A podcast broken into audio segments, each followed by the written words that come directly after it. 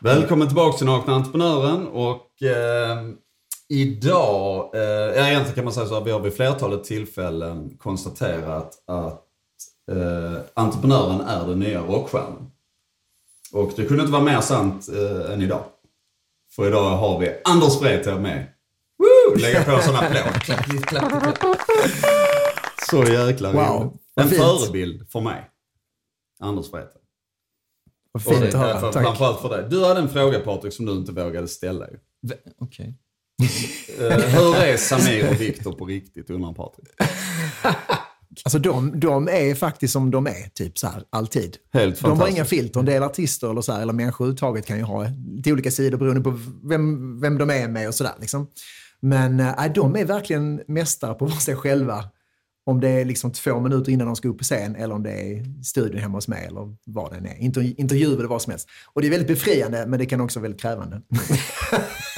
Om Ja, men jag, lite jag vet inte varför jag tycker om dem. Jag är för gammal för att tycka om dem, men jag gillar ju dem. Ja, men jag håller med dig. Som Jag- människor så tycker jag det är befriande, precis som du säger. Att jag behöver inte, liksom, man behöver inte vara mycket mer än sig själv. Och det funkar Nej. rätt bra ändå. Jo, ja.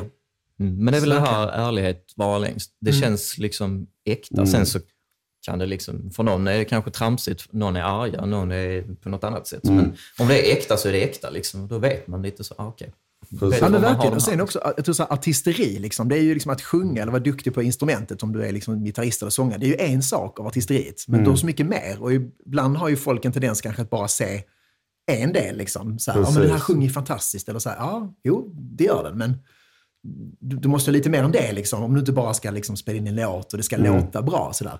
Artisteri är ju så otroligt mycket mer och de är bevis på att den andra delen, alltså själva sången, är inte alltid kanske det viktigaste. Även om de tycker det är kul att sjunga, men det är inte liksom det som är deras grej. Utan de är artister, entreprenörer, Ja, det är eh, inspiratörer. Men de uppfinner ju sig själv hela tiden. Faktiskt ja, och att de är så snabba, testar grejer. Det tycker jag också är inspirerande, att man inte bara så här... Utan man, de är ju naiva och testar grejer och, ja men okej, det gör vi så, ja, det gör vi så här. Istället för att som en del kanske gör, man väntar in liksom hela tiden och är det här rätt? Och så, så de har ju liksom, de har gjort otroligt mycket och nu pluggar ju Samir till, till mäklare och de har tagit en break från Samir och Viktor. Eh, så vi gjorde ju sista singeln här med dem nu. Eh, och han är liksom inne på det spåret. Så att, och Viktor har ju massa andra grejer. Så att båda två är otroligt drivna och eh, jag säga, skickliga på, på, eh, på att göra saker och våga. Och också känna liksom toppar och dalar. Kanske lite mer än vad många människor vågar utsätta sig för. Så att, nej, det, det är coolt. Kul. Nu ska jag föra tillbaka till ett seriöst ämne. Men Patriks eh, fråga som han vågade ställa är nu ställd. Jag tackar för svaret. Nej, men jag ska inte givande. alltså Patrik Södergren som är en av mina sidekicks i Nakna Entreprenören som är med mig idag. Uh, Michel har fått ledigt. Eh, han behöver nu det. Men jag skulle säga så här, jag har faktiskt skrivit ner lite här, skulle jag säga. Eh, någon gång tror jag, un, jag tror att året är 1995-1996, så gick jag på en, eh, jag gick på Leneholmsskolan eh, i Malmö. Och eh, det fanns någonting som musikprogrammet på Leneholmsskolan anordnade som heter Måndagskonsert. Kommer Anders Wrethov ihåg Måndagskonsert som fenomen? Absolut. Jag kan säga jag hade aldrig kommit ihåg att det kallades måndagskonsert. Om inte det var så att jag en gång gick in där och då står där en kille fullständigt själv på scenen. Han spelar metal från 80-talet. Han, alltså gitarren svingas runt halsen och han spelar med tänderna. Bokstavligen spelar han gitarr med tänderna. Och det är Anders Wrethov. Och, jag, och, och detta kan man skratta åt, men detta är ett faktum att det är den största, alltså den respekten jag kände för dig i det tillfället. Att för, jag vet att du har sagt någon gång till mig att eh, du kom för sent.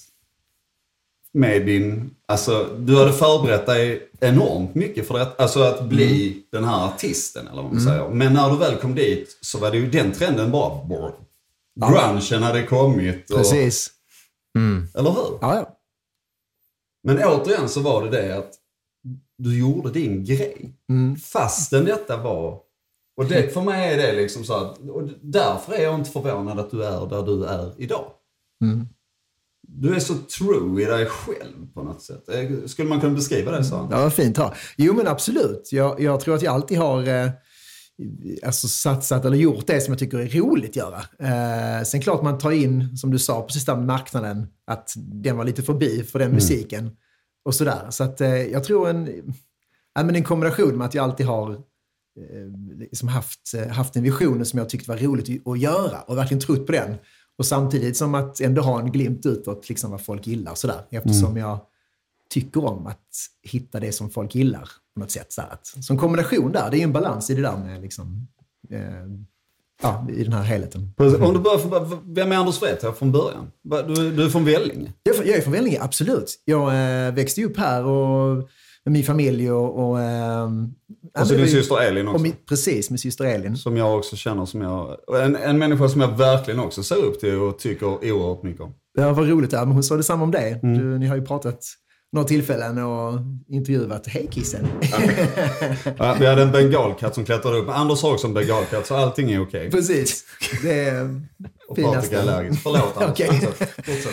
Nej men, nej men det var ju här jag växte upp och min familj, eh, ja jag säger, växte upp med, eh, de hade både jordbruk, ekologiskt jordbruk och hotell. Och, så det var ganska bred så här, eh, ja vad ska man säga, både en blandning av liksom entreprenörskap men också det här miljöintresset och, och, och sådär. Så att det, det var, eh, jag tror jag liksom fångade upp det där att, att ändå kunna våga skapa. Mina föräldrar var ju först liksom lärare och sjuksköterska. Sen gick de in på att göra sin egen grej då, och satsa på jordbruk och hotell och prova sig fram.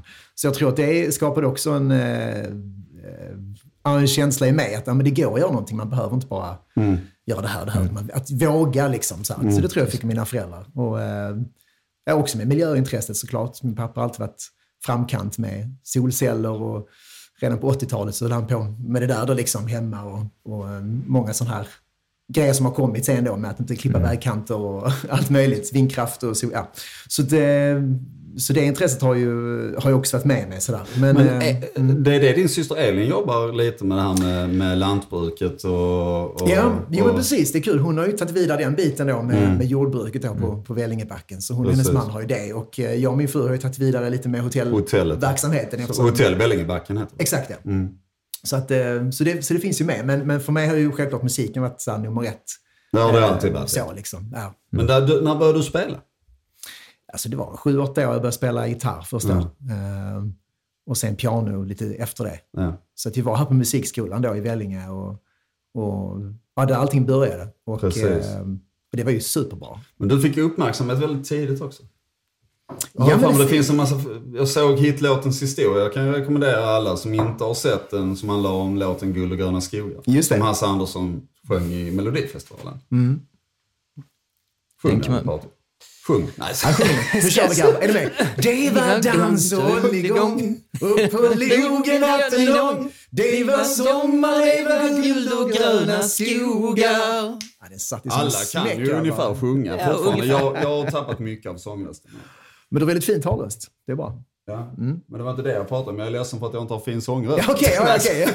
Alltså jag har ändå jobbat med Jag har sjungit Men du, du känner den det där, men, men du har fin talröst. Ja, jag har tappat, I jag har tappat. Det är ju en övningsgrej det där. Jag har, inte, jag har ju inte hållit på med det. Jag sjunger för barnen ungefär. Eller sjöng när de var små. Nu vill de inte lyssna på mig längre. Är det så? De tycker det är kul och de spelar lite också. Så att, eh, Man kan väl säga det där entreprenörskapet, det fick du lite med morgonkaffet då liksom. Så var det tidig ålder liksom. Mm, jo, men så var det nu absolut. Eh, det är lite fusk. Jo, men jag tror det har hjälpt mig. För att det här med talang, det är ju klart jätteviktigt. Mm. Återigen det med Samir och Viktor, så här, talang är en sak. Att liksom, så här, jag vill lära mig spela gitarr och jag ska bli Mm. bra på det. Eller skriva låtar, eller vad det är. Men sen det andra, att ha driv, att våga tro på det. För Mm. det finns ju många som säkert har en talang, men ah, du vet, inte gitt att göra. Det Eller har det drivet att göra det klart och att liksom verkligen så här. Men har du så också, det tror jag har hjälpt mig. har du också fått den här, vi, vi pratade om det här nu i, i något avsnitt, vet du, det här med, med drivkraft och sådär. Att det kommer alltid att finnas människor i vår omgivning som inte, alltså, inte vill, alltså satsa inte på det här, det är jättesvårt Anders. Mm. Alltså bli låtskrivare på nationell nivå, alltså även internationell nivå, det är jättesvårt. Mm. tycker du ska satsa på något som är mer tryggt. Men du har inte behövt brottas med dem från dina föräldrars sida liksom. Nej, de har, eh, de har alltid stöttat mig i det, men de har ju, jag tror de har hjälpt till på rätt sätt. Det är inte så att de har liksom, ska man, curlat mig. Så här, för det tror jag inte blir bra heller. Man måste ju ändå så lära sig själv på något sätt. Men de, har- de har, jag tycker de har stöttat på, på rätt sätt. Sen, eh, ja, sen, vissa grejer kanske man tänker att man skulle vilja ha det så här och så här. Men, men de har alltid stöttat mig. De håller ju inte på med musik själva, så de, de, de kan ju inte liksom musik. Jaha, de håller inte på. Nej, Men hur inte. kunde du och Elin bli så musikaliska? De Ja, måste ju varit musikaliska någonstans. Annars men- har du en pappa som inte är din pappa. Ja, jag har funderat på det också ibland. Men... Nej, men min farfar han var ju eh, han var musiker. Så han var ju låtskrivare och han hette också Anders. Och han, eh, han spelade ju både i kyrkan, han var kantor och så skrev han låtar och han skrev böcker också. Så att eh, det är kanske där det har eh, kommit lite Men från pappas det känns ju som en oerhört kreativ familj någonstans. Ja, men kreativiteten tror jag alltid har varit där sådär. Och, eh, ehm, Och det- modet ja. och att förverkliga sig. Ja, Att tillåta precis. sig själv att förverkliga sin egen dröm. Skulle Ja, man kunna jo. säga så? Det är också jo, kreativitet det där. Liksom, att Ja. våga släppa sitt yrke som dina föräldrar hade Ja. och sen helt plötsligt, nej men nu ska vi satsa på det här. Och så Ja. ger man in med jordbruk och allt möjligt. det Driver är hotell och så. Det är också Verkligen. väldigt kreativt. ju. Mm. Jo, men det är det. Och också gjort de tycker är roligt. För det är klart att så här, pengar så, det är klart det är ju en drivkraft och det är ju för alla. Man måste ju ha pengar så man kan klara att leva sig. Men det, det, de har liksom, det är inte bara det, utan det är så här, miljön och så här, det handlar om andra grejer. Och det tycker jag också är häftigt att eh, just den här... ehm, Den större biten, Ja, den liksom. större biten på något sätt. Så här, den, den kan jag... Mm. eh, och den kopplar man kanske inte allting när jag är liten. Så där. Jag tänkte, varför, gör, varför håller de på med så här mycket grejer hela tiden? Varför ska de, kan de inte bara tagga ner lite? Så här? Men nu fattar jag ju du själv, jag har blivit lite äldre, att det är inte bara liksom för att om du har tjänat 25 000 och tjänar 50 utan det är liksom lite andra drivkrafter och det tycker jag också är inspirerande. Ehm, Det är jättemycket drivkraft i det. Jag Ja. pratade om det med min fru. Jag hade en i ett podcastavsnitt så pratade vi om det, det här farliga att den entreprenöriella eller den här kreativa drivkraften är ju så oerhört stark så att det är så få saker som hamnar i, alltså du, du kan inte stå i vägen för du kommer bara bli, alltså du kommer att forcera alla hinder just det. som står i din väg. På något sätt. Precis, men när vi pratar om ekonomi här, och det är ju så, jag, jag kan ju själv tycka där liksom att till en viss gräns kan pengar vara en drivkraft. Mm. När du väl får det bra, du, du kan äta och göra du, lite mer frihet, Mm. då helt plötsligt tappar det sin funktion. För mig i alla fall. Jag, jag Jo, det- antar har att det är så rätt. för många. Du har helt rätt. Men Det- då det- måste man ju tycka det är kul och vilja något större. Liksom, Mm. Att få ta sig igenom alla de här grejerna. Besegra rädslorna och allt vad det är för någonting. Precis, helt rätt. Verkligen. Jo, men så är det ju. Det, ehm, och jag tror också den här lusten att kunna skapa, att göra, att göra färdigt, tror jag också varit en av de bitarna som jag haft naturligt. Om man gör en grej så gör du den klar. Liksom. Och det, det, det kan jag säga med, ju äldre jag blivit, eh, men jag jobbar med liksom, artister och jag jobbar ju, jag är ju en del liksom, i det jag gör. Det är så många som jag, som, som jag är beroende av och de är beroende av mig också. så att, då, då, ser man också folk jobbar och jag tror också där att, att man har en grej och försöker liksom göra färdigt igen. Eh, Det tror jag också är viktigt, även om det inte alltid blir bäst. Men sådär att man liksom, men gör vi extremt klart det och sen går vi vidare. Precis. Eh, så. Mm. Men ser du dig som entreprenör idag eller, till, eller känner du att ah, men jag är Anders Wrethov? Eller känner du att jag är Anders Wrethov, låtskrivaren, producenten? Eller vad, ser du dig, för du har ju ett hotell också som sagt som Mm, jo. du driver upp med din fru Johanna. Absolut. Och på ett sätt såklart att musiken, att hålla på med musik, det är ju en entreprenörskap. För att den är ju, nej men som du sa, när jag var liten där då, eller i gymnasiet, eh, och, och spelade hårdrock, liksom, det var ju en del. Jag tror jag alltid har em, gjort massa grejer och sen har ju det liksom, har ju det liksom kommit framåt på olika sätt. Och så att det har, ham- det har liksom blivit där jag blir idag. Jag visste inte exakt vad jag ville göra. Jag visste bara att jag ville hålla på med musik när jag var liten. Och sen klart, det var liksom gitarren och hårdrocken och, och sådär, lite rockstjärnegrejen från början. Men sen blev det mer att skriva, skapa musik. Och, så att, men det, det, det var inte så att när jag var sex år att jag nu ska bli musikproducent. Nej, Utan det har nej liksom- men drömmen var nog en annan då. Ja, men det Och var det. Var det ju liksom- jag. Jag ville ju sjunga i, eller spela i Kiss och Iron Maiden eller Europe. Det kommer jag ihåg. Rock the Night var det du Rock the Night, spelade. jag älskar Europe, ja. Just Rock the det. Night var det du spelade på måndagskonserten den här gången. Uh, jo, men Det var kul. Ja. Ja, men det är konstigt att det sitter i mitt huvud. Ja, Alla de, alla de, alla de minnena på något sätt. Så att, eh, Men det var en rolig tid, jag minns det. Jag var så glad för ni, du och eh, Charlie. Charlie, när vi pratade det. För ni väl, ni är ju ett år äldre med väl? ja, Nej, ett, 77 är vi. Kom ihåg. Nej, men du gjorde så mycket för att eh, ni var alltid så himla sköna. Man såg upp till er. Liksom. Ja. I och med att vi är lite mindre och ni var så Nu trevliga. är det att nu nice. är det jag som såg upp till dig och du som ser ner på mig. Det är så skönt att Anders har kommit över där, att han ser Ja, upp till mig så att han kan se ner på mig. Nej, men sprang där på. Ängelholm och liksom, eh, det, det, det minns jag väldigt mycket. Att det var, det var kul. Man liksom blev glad när man träffade er och inspirerad. Det var ju en kul miljö. Liksom. Man träffade andra likasinnade. Liksom. Eh, Även om jag gick här musikklassen i Vellinge, eh, vilket också var jättekul. Men där blev det lite mer allvar och man träffar folk från andra städer. Och liksom, det blev... Men det har jag tänkt på, för faktum är ju så här att eh, om man tittar, jag minns det också, att om man tittar på musiklinjen som du gick på Aleneholm. Året innan, de som vi kallar är 77 som jag är då. Eh, framgången, om jag tittar på den årskursen så kan jag säga, ja, Paula Pensäter vet jag blev sångerska i Visex. Just det, va? absolut. Det är nog den största framgången vi hade från den årskullen. Jag kan inte Ja, komma ihåg en annan människa. Alltså det fanns fantastiska band som Act till exempel, där. Ola Andersson, duktiga musiker. Men alltså, jag pratar om de som har lyckats förverkliga sig själv som eh, typ av entreprenörer och så vidare. Tittar man på er kurs, för du gick med Marcus Liljekvist bland annat va? Mm, jag visste, och Anders Som- Gran. Och, Anders Gran, Peter ja. Och jag ja. pratar, ja. precis. Jag menar, Anders Gran, vad gör han? Han låtskrivare och han har turnerat med Anastasia. Precis. Uh, pratar Marcus Liljekvist som enligt mig är väl, om inte Sveriges bästa trummis så är en av dem i alla fall. Absolut, och de mest säkert anlitande också. Ja, jag skulle säga vad jag menar. Han spelar med. Måns Zelmerlöw, Magnus Uggla och det gör ju Simni också. Peter Simon är med. Och, ja, ja. Nej, men det, var, det tror jag också... Den eh, årskullen är, var ju något Ja, men annat. såklart. Att det gav en extra kick. Liksom. Och Det var så många andra duktiga och, eh, och, och, liksom, ja, och, och underbara människor liksom, att ha att göra med. Det, det är klart att peppar. Då blir man ju bättre själv när det är andra som är riktigt bra omkring så här. Man vill ju hänga med. Ja, det precis, men verkligen. Så det, nej, men det har du rätt i. Det är jag, att jag kommer ihåg alla de här grejerna. Mm. Sitter i mitt, som där att jag, jag har gjort de här analyserna innan. Liksom. Jag vet inte varför jag har gjort dem. Men det är ju en rolig tid. Liksom. Det där med, du gick alltså, det var, det ett estetprogram på Ja. Heleneholm? Mm, det jag har också gått på Heleneholm nämligen. Fast typ så tio år Fast tidigare. och fritid Och det, var, och det var första året som de hade estetlinje där. Okej. Och det var ju ganska befriande, för där fanns ju alltid människor som jag aldrig hade sett och så vidare, men de satsade på musik. Och helt plötsligt så hittade jag dem. Fast Vad jag inte kul. överhuvudtaget visste vad ämnen var och så vidare. Då, liksom. Ja, men det var ja. bara musik. Man kollade lite så, okej, vad gör de? Hmm. Ja. Och i och med att jag själv har hållit på med musik då i alla år, liksom, så, så var det väldigt intressant. Men då, tio år senare, då, liksom, så intog, intog, du, den, intog du den eh, scenen där. Liksom, Ja. så. Det är intressant. Om jag får, får jag stjäla en liten grej här Du bara. får ta vad du vill. Jag tänkte på om vi rullar tillbaka. Du sa att du, det började liksom med musikskolan i Vellinge. Mm.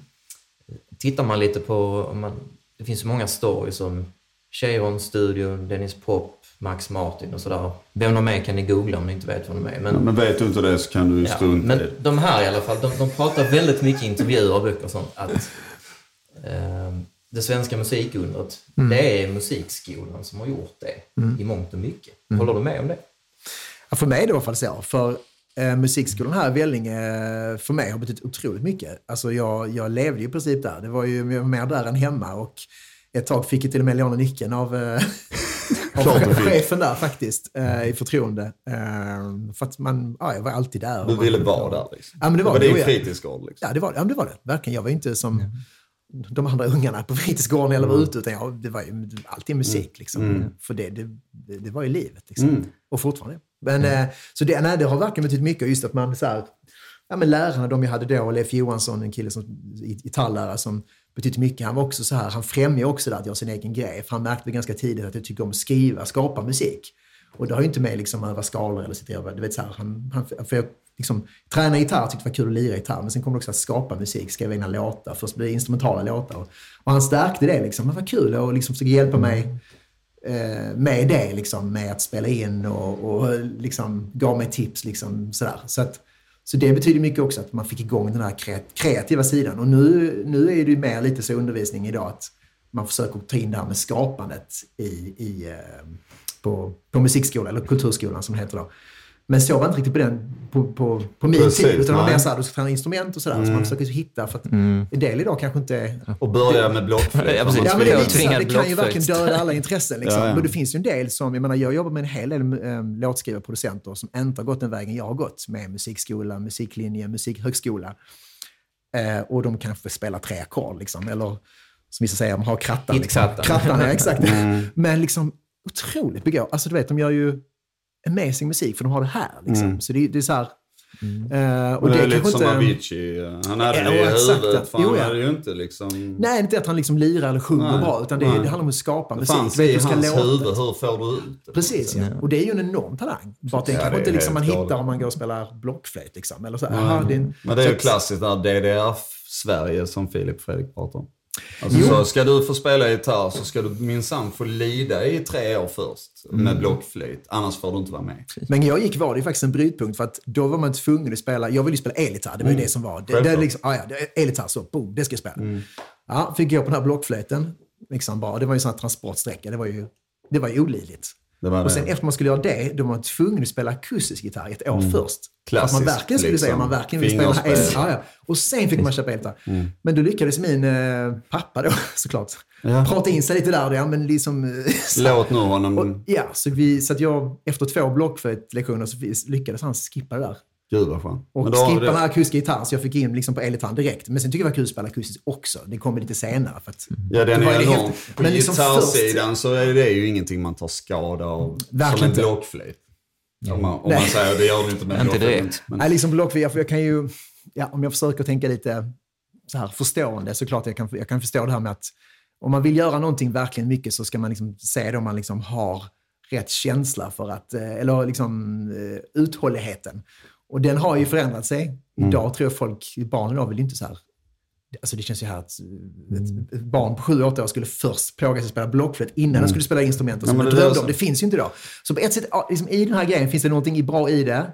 Att man liksom får lä- träna tålamod, uthållighet, du vet, för att man får lite sån driv. Jag fick också det, lite det här, fan jag ska, jag ska fan klara det här liksom. Och jag vet inte om det kommer av det där, att man liksom tvingas Man, man fick till det här liksom, inte... eh, du vet, gräva djupa jord innan man kom dit. Så man inte bara får allting direkt. Sådär. Sa om Men, instrumenten, man fick ju inte bara sådär instrument. Jag kommer själv, jag tvingades också lite blockflöjt och sånt. Satt man där och ta, ta, tatte, ta, ta och not Precis. och sånt. Bara, "Ugh." Men sen, jag hade ju ingen gitarr så, så att jag tog min eh, mammas mandolin som lät för jävligt. Men det var ju strängar så det lät ändå lite kul. Så, här. Jag har ingen aning vad jag gjorde liksom. Nej. Så fick man sitta där. Till slut så hamnade jag på en ABF-kurs. För jag hade ingen pappa som drev på liksom. Du, Nej. gitarr och sånt. Nej. Så fick man hitta den bit. Sen hittar man in i skolorkestern efter Mm. det. Ja, det var så du... Och Ja, gitarrläraren var basist också. Okej. Ganska duktig också. Liksom. Så att, ah, okej. Mm. Det var så jag kom in på det. Liksom. Men jag tycker det är kul att se ändå liksom, att det, många har gått den här vägen med musikskolor och det fanns möjligheter. Och Ja, man jag- har Jag tror ändå att plågat det sig själv lite som du säger. Ja, Det finns något jo, gott men, i det. jo, men det gör det faktiskt. Jag, så jag tror att, eh, alltså för mig har det varit fantastiskt att lära sig, även om inte jag har haft kanske nytta av allting jag har lärt mig i, liksom, i det dagliga, så här, skriva en hitlåt. För det är ju väldigt, det är ju liksom en annan, det är på andra sidan. Liksom. Men man har ju nytta av liksom, det man har lärt sig, hur man ska spela i olika sti- musikstilar, liksom, hur man ska arra i olika grejer, olika stilar. Så det har man ju med sig. Men sen liksom det kreativa att skapa, det, det är ju faktiskt någonting helt annat. Så det är väldigt svårt Precis. kanske att lära sig och sådär. Men, men ehm, Men cirkeln, är- blir inte cirkeln lite sluten också? Jag läste någonting om att du gör någonting ihop med det som kallas Artisten nu i Vellinge va?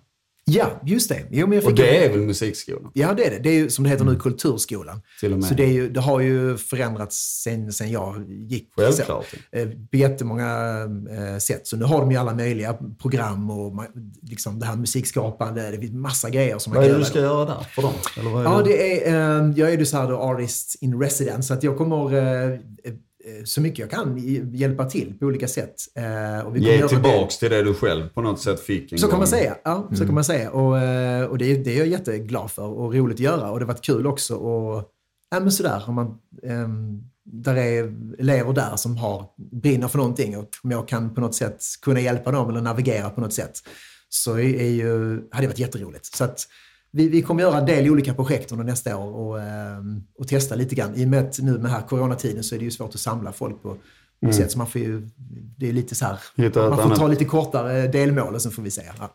Men det är jätteroligt att du gör det tycker jag. Jag tänker det är återigen en del i din ödmjukhet. För jag menar du är ju mitt uppe nu i någon slags, känns som en peak. Alltså du är ju, du är ju uppe bland de större i Sverige idag. Jo, men alltså, det är ju så kul. Man är så glad att man får jobba med så många som är så otroligt bra. Det är ju roligt. Det är det verkligen. Och det, det, är, eh, nej, men det är ju så otroligt kul. Och man utvecklas också av det hela tiden. Att få jobba med bra skivbolag, bra artister, bra låtskrivare. Eh, sådär. Så att, och extra kul att jag är här i Vellinge. För det är, det är ju här, som sagt, musikskolan började. Och eh, ja, men jag tänker mycket på det. Att det var liksom... Ja, har ditt arv det var. Ja, men så var det verkligen. Att, eh, Britta Gustafsson Arne då, som hade det, som haft det många år, de, de, eh, hon har lämnat över nu till, till nästa. Så att eh, de har betytt mycket. Liksom. Gud vad roligt. Ja, mm. Eh, Anders, är du en offentlig person idag? ja, men det är jag. Det, det, det tycker jag att... men så, det- så tror jag att jag upplever mig Det själv. handlar inte ja. om att du, vad du önskar, frågan är om det är Nej. så. Liksom. Jo, men det, men det känner jag. Och jag kan njuta av det. Så här. Jag, jag njuter, jag tror att ja, men min egen så här, eh, magkänsla och mitt välbefinnande tycker jag är jättehärligt. Att som bara liksom kreatör, låtskrivare, musikproducent och viss mån absolut entreprenör också. Eh, men ändå jobba bakom, men ändå synas. Exempel som, ja, typ som Melodifestivalen. tycker jag är kul. För det är ju såklart, dels gillar jag ju tävling i sig. Jag tycker om liksom, effekten av att eh, kunna göra någonting och det väldigt snabbt kan ge ett resultat. Alltid gillat det. Men också att man får vara lite offentlig, alltså så som låtskrivare. För annars är det ju oftast en titel och ett jobb som inte syns. Många vet ju inte om Precis. inte man verkligen är väldigt så här hardcore intresserad och googlar upp vem som har skrivit och Men producerat. det har väl ändrat sig? Jag alltså, återigen så är det ju så här att, jag menar, idag verkar det ju snarare vara drömmen att vara de här människorna som skriver låtarna, producerar dem. Det är ju nästan, jag tycker de har blivit ännu mer den nya rockstjärnan. Ja, du har helt rätt. Och det är också roligt att det har förändrats. På den tiden jag har varit liksom, Ja. inne i det här, så, musiken. När jag gick ut musikhögskolan där 2003 och man höll på med det här som producent, då var det mycket mer så här. Det var en helt annan grej. Liksom. Man skulle liksom inte kunna kombinera vad ska man säga, artisteri och skapande, utan liksom, det var verkligen tydliga roller. Och även innan det var det säkert ännu mer tydligare. Eh, så med rollerna. Men sen har det suddats ut och precis som du säger, idag är det ju producenten, låtskrivaren, är liksom och det tror jag förändras lite grann tack vare DJsen också. Att de är ju så här kreatörer och tar in olika röster och låtskrivare. Det finns inga hinder, inga, inga boundaries. Utan, och det har ju liksom förändrat tror jag mycket av eh, sättet att jobba. Ja, Sen tror jag hela hiphopen också Hiphop, har... helt rätt. Hiphopen, där det finns massor med låtskrivare, de är kreatörer, de står själva Ja, ja. liksom och berättar sina stories. Och Men jag tycker man ser det tydligt verkligen. bara i ett program som Så mycket bättre. Eh, när jag sätter mig och tittar så tänker jag bara så, när jag börjar titta, vem fasen är den här artisten? Och så visar det sig återigen att det är enormt framgångsrika låtskrivare som har varit i LA och jobbat, men det har ju varit deras stora grej och sen har de då, ja men jag spelar in en egen låt och så helt plötsligt så är de jävligt bra på, på själva framförandet också. Ja. Och då, så det, på något sätt skulle jag snarare säga att det poppar ut artister ifrån låtskrivarna idag. Om du eh, förstår hur jag tänker ungefär. Det är den känslan jag får när jag tittar på den typen av program. Att gud, det här, den här människan har jag aldrig hört. Men jag, helt plötsligt visar jag har hört en massa låtar som den personen har skrivit, men det är inte de som framför. Nej, nej men exakt. Ja. Jo, ja. Och det är ju väldigt många som, som gör det här, alltså som både så att säga, kan sjunga så, alltså, men också som älskar att skapa musik, producera musik och gör grejer. Så det är det ju, de flesta artister jag jobbar med är ju låtskrivare själva och är jätteduktiga låtskrivare. Exakt. Så att, så att, eh, och jag tror det har också blivit mer vanligt så. Förr var det ju en del som var väldigt så här, du är, du liksom, du är sångare, man, man blickar tillbaka många år i Motown, du vet fabriken, och kommer du in och ska sjunga den här låten liksom, och vara tyst. Liksom. Men nu är det ju inte, nu, nu är det liksom, det har ju, sen klart att det finns många som, fortfarande artister som älskar att sjunga och dansa och de, det är inte deras bord att inte skriva låtar. Liksom. Det behöver inte vara fel heller. Men, men eh, det har blivit mer så att det öppnar, öppnas upp på ett helt annat sätt. Så det är bara kul. Och jag menar, många, som du sa, hiphopen idag som är både producenter och entreprenörer. eh, De kanske rappar eller sjunger själva också, men gör olika grejer. Och, och, eh, mm, bygger varumärken Bygger varor, liksom. bra, där sa du det. Är ett varumärke man gör. Och Ja. den öppenheten och fritiden är ju, den är ju superfett. Och den, den är också inspirerande. Och det är någonting jag själv tar vara på. Bara som det här nu, man har hotell och musik och skapar den. Det är ju liksom en, en idé och en vision som man har gjort. Liksom. Men det är ju kul. Då har man liksom gjort någonting lite eget sådär som inte kanske Exakt. många andra har gjort och som jag tycker är kul. Jag gillar hotellverksamhet. Jag har själv vuxit upp i det. Jag tycker det är roligt att ha ett annat företag förutom musiken och det har stärkt mig i musiken också. Så att eh, man hittar liksom olika... Men nu är det ju så att när artister kommer och jobbar hos dig i, i studion, Ja, så bor de på hotellet. alltid ja. Absolut. Vilket är ju magiskt häftigt. Alltså jag sa, det, är det tycker jag är ett jättesmart sätt att kombinera också. Mm. Jo men det är det och det är väldigt roligt och det är kul för andra hotellgäster som inte är artister eller musiker. Man pratar och de ser lite så här, eh, ta guldskivor och så på, på väggarna. Och då kommer man ju naturligt in, bara, vad kul, det här så är det en studio här och, och, och sådär. Eh, Så det tycker de också är väldigt roligt. Att, eh, Ja, det är ju en rätt så hög sannolikhet att ta in på ditt hotell och få faktiskt ha möjligheten att träffa någon som är hyfsat berömd. det, är det, och, det, och det händer ganska ofta. Det är kul att folk reagerar för så här, de sitter och så Kan du, de, kan du meddela oss nästa gång där är någon så vi kan komma och bo på hotellet. Samir då eller? Patrik och Samir ska dela rum. Det blir kanske då Sveriges svar på, vad heter det, Chelsea Hotel, är inte det? I New York. Här Ja. jättekända liksom. Just det, som har- massa kända människor. Kända, liksom. oh ja. Och det finns ett i, i LA också, tror jag, ett sånt anrikt gammalt. De hade i alla fall en studio nere där. Var många, jag kommer inte ihåg vad det hette, men det var också så här. Ja. Ett Så musikhotell, Ja, liksom. musikhotell där liksom då de. stjärnorna kunde liksom gå ner och spela in. Och. Ja, Hill. Vellinge De har ju. Hollywood Hill och vi har Vellinge Hill. Ja, det är ju iskall är den alltså. Den tycker jag vi jobbar vidare på. Ja, men jag, sen hade, det var faktiskt du som hade den frågan Patrik, det här med att nu är du, för, jag uttycker också från att du är en offentlig människa. Nu ser ju inte jag dig som en offentlig person eftersom vi har liksom känt Vi känner varandra varandra, sedan jo. vi var Mm. 16. Så för mig, så jag ser inte upp till dig som låtskrivare så. Eller det gör jag ju visst såklart. Alltså, därför att jag är så imponerad av hela, jag tycker du gör fantastiska låtar, det är inte det. Utan det är hela din ödmjukhet, hela din, din eh, approach och din inställning till saker och ting. För mig är den densamma och därför så behöver jag inte, känner jag inte att jag måste förhålla mig på ett annat sätt till dig idag. Nej, vad fint höra. Ja, men det, Men, som du, för du hade den frågan, hur prioriterar man? Därför att, återigen som jag skrev här, det finns ju en del människor, skrev jag, som är så jävla fräcka att de helt urskillningslöst frågar dig om allt, typ att vara med i en podcast. och när alla vill ha en del av dig, frågade Ja. Patrik. Ja, det, det var din fråga. Hur prioriterar man?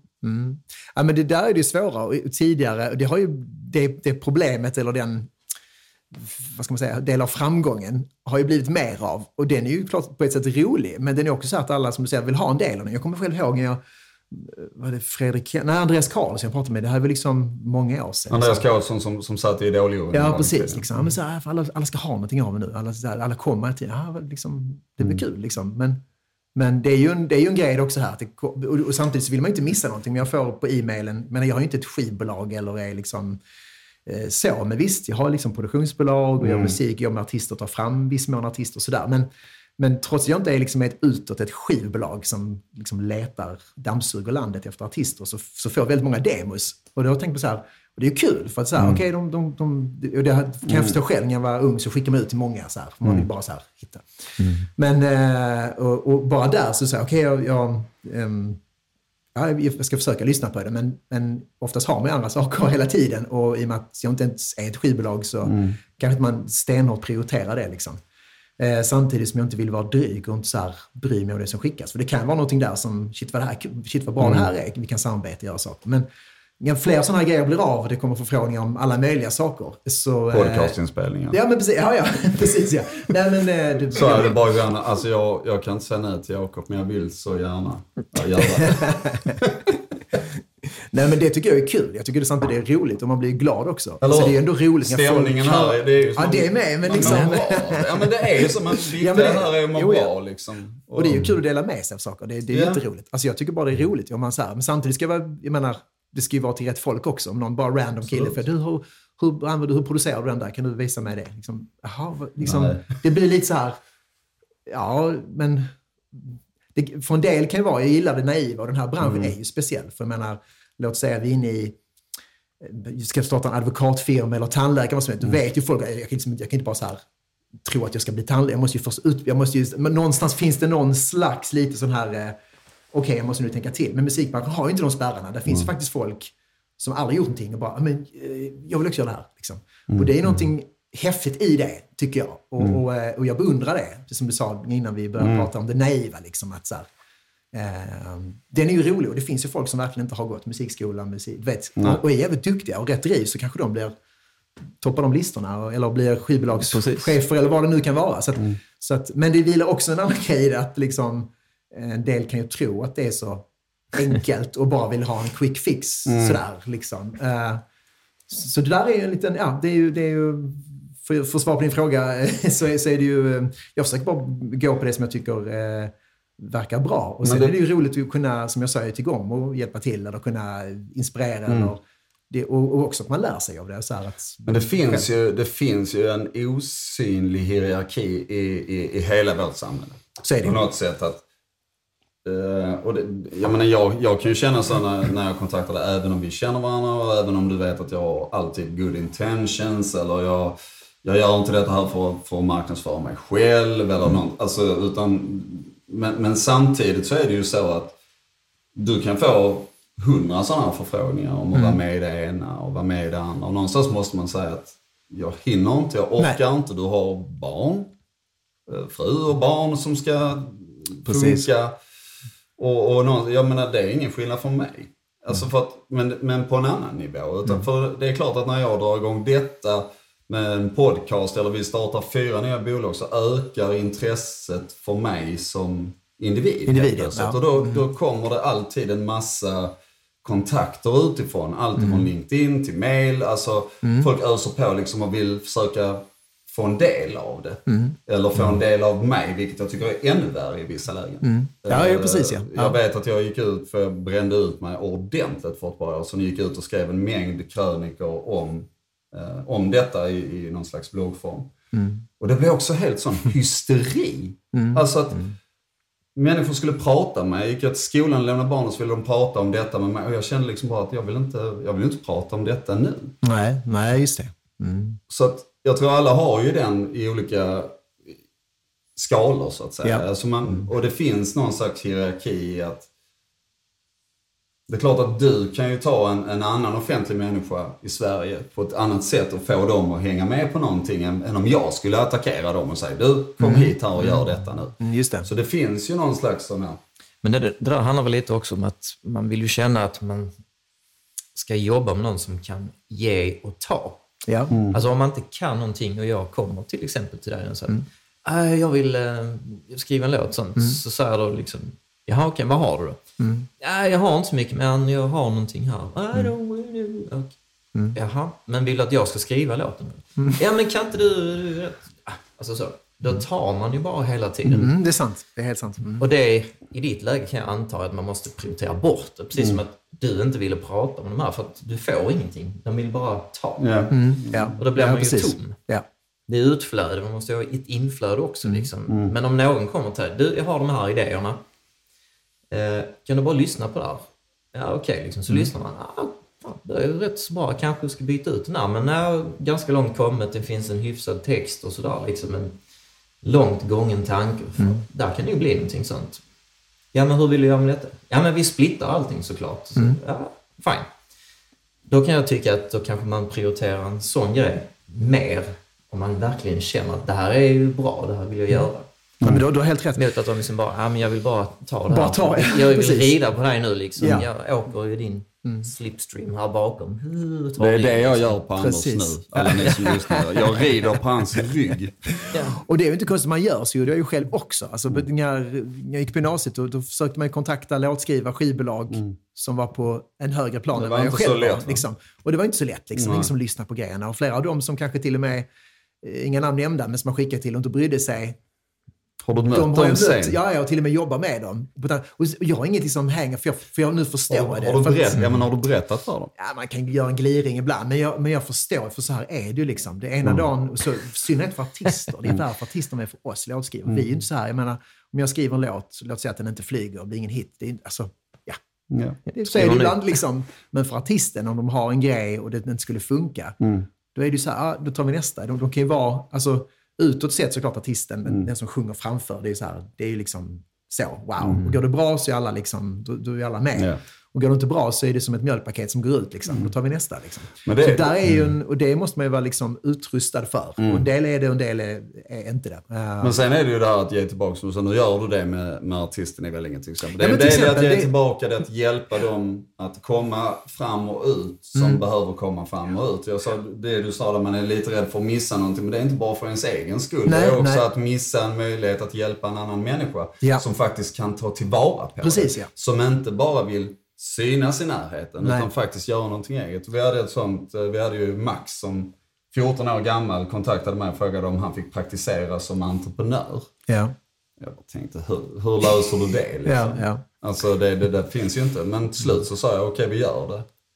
Och han skrev ju en affär, en dyslektiker skrev affärsplan, en hel affärsplan för en företagsidé som han själv kom på när han satt med mig. Helt fantastiskt. Och det, det är ju sånt man känner så att det här är, det, det, alltså för min del, jag kan, inte, jag kan inte göra någonting åt den eller kapitalisera på hans idé eller någonting. Men det var, alltså det var så sjukt roligt att ha honom sittande. Ja, det så här. förstår jag. Och du vet, en människa som bara har bestämt sig. Ja. Att jag ska göra detta här. Och veta också vilka svårigheter man har i hans fall, dyslexin. Men att bara säga att jag bryr mig inte. Nej. Mm, Nu, precis. nu Man bara ska kör, jag, jag ska liksom. göra detta här och ta, ta så mycket kunskap jag kan. Mm, mm. Och det, det är ju det är ju sådana grejer man tänker efter. Att Gud vad tacksam jag är att jag inte bara sa nej. Så bra och det är så fint och, det, och helt rätt att göra. Jag tycker, just det är ju så viktigt här med, liksom, med framgång och du vet, pang och pengar och det ska vara så här. Ja, det också. Men just bara det här lilla ibland. Eh, nu är det ju en stor grej, så- alltså så att du la tid och allting. Men ibland så är det som, som människa bara. Att det är ju så här, att bara kunna, kunna ge någonting. Och, eh, och absolut, man vill få någonting tillbaka också. Ja, ja. Men att kunna bara så här, ehm, Men jag, ställa upp för någon och göra någonting så här. Och liksom hitta den balansen med det där kontra då att Mm. när folk hör av sig och ska göra grejer och man kan ju inte vara en trasa som bara... nej. Liksom så, här. så det är ju det är en balans. Och det är alltid i så, man är, jag i min situation, jag, det är första gången som jag har bjudit in någon där jag känner att jag är nervös just för den. Att jag känner att jag hoppas så gärna att Anders verkligen vill göra detta, att han inte känner att jag måste göra det. Nej, jag förstår. Förstår Nej, du? För jag att förstår din... För alla andra entreprenörer, de är entreprenörer. Alltså, du vet, jag skiter väl fullständigt i vad de tycker. Liksom. Ja, ja. Du ska vara med i podden, Ja. vare sig du vill eller ej. Ja, Så för det här liksom- ska du göra. Nej, men jag förstår Ja, och så sitter de och skaffar mikrofoner, men för de flesta vill ju inte sitta så här utan de backar ju från micken och Ja, går ja. puttar den efter dem.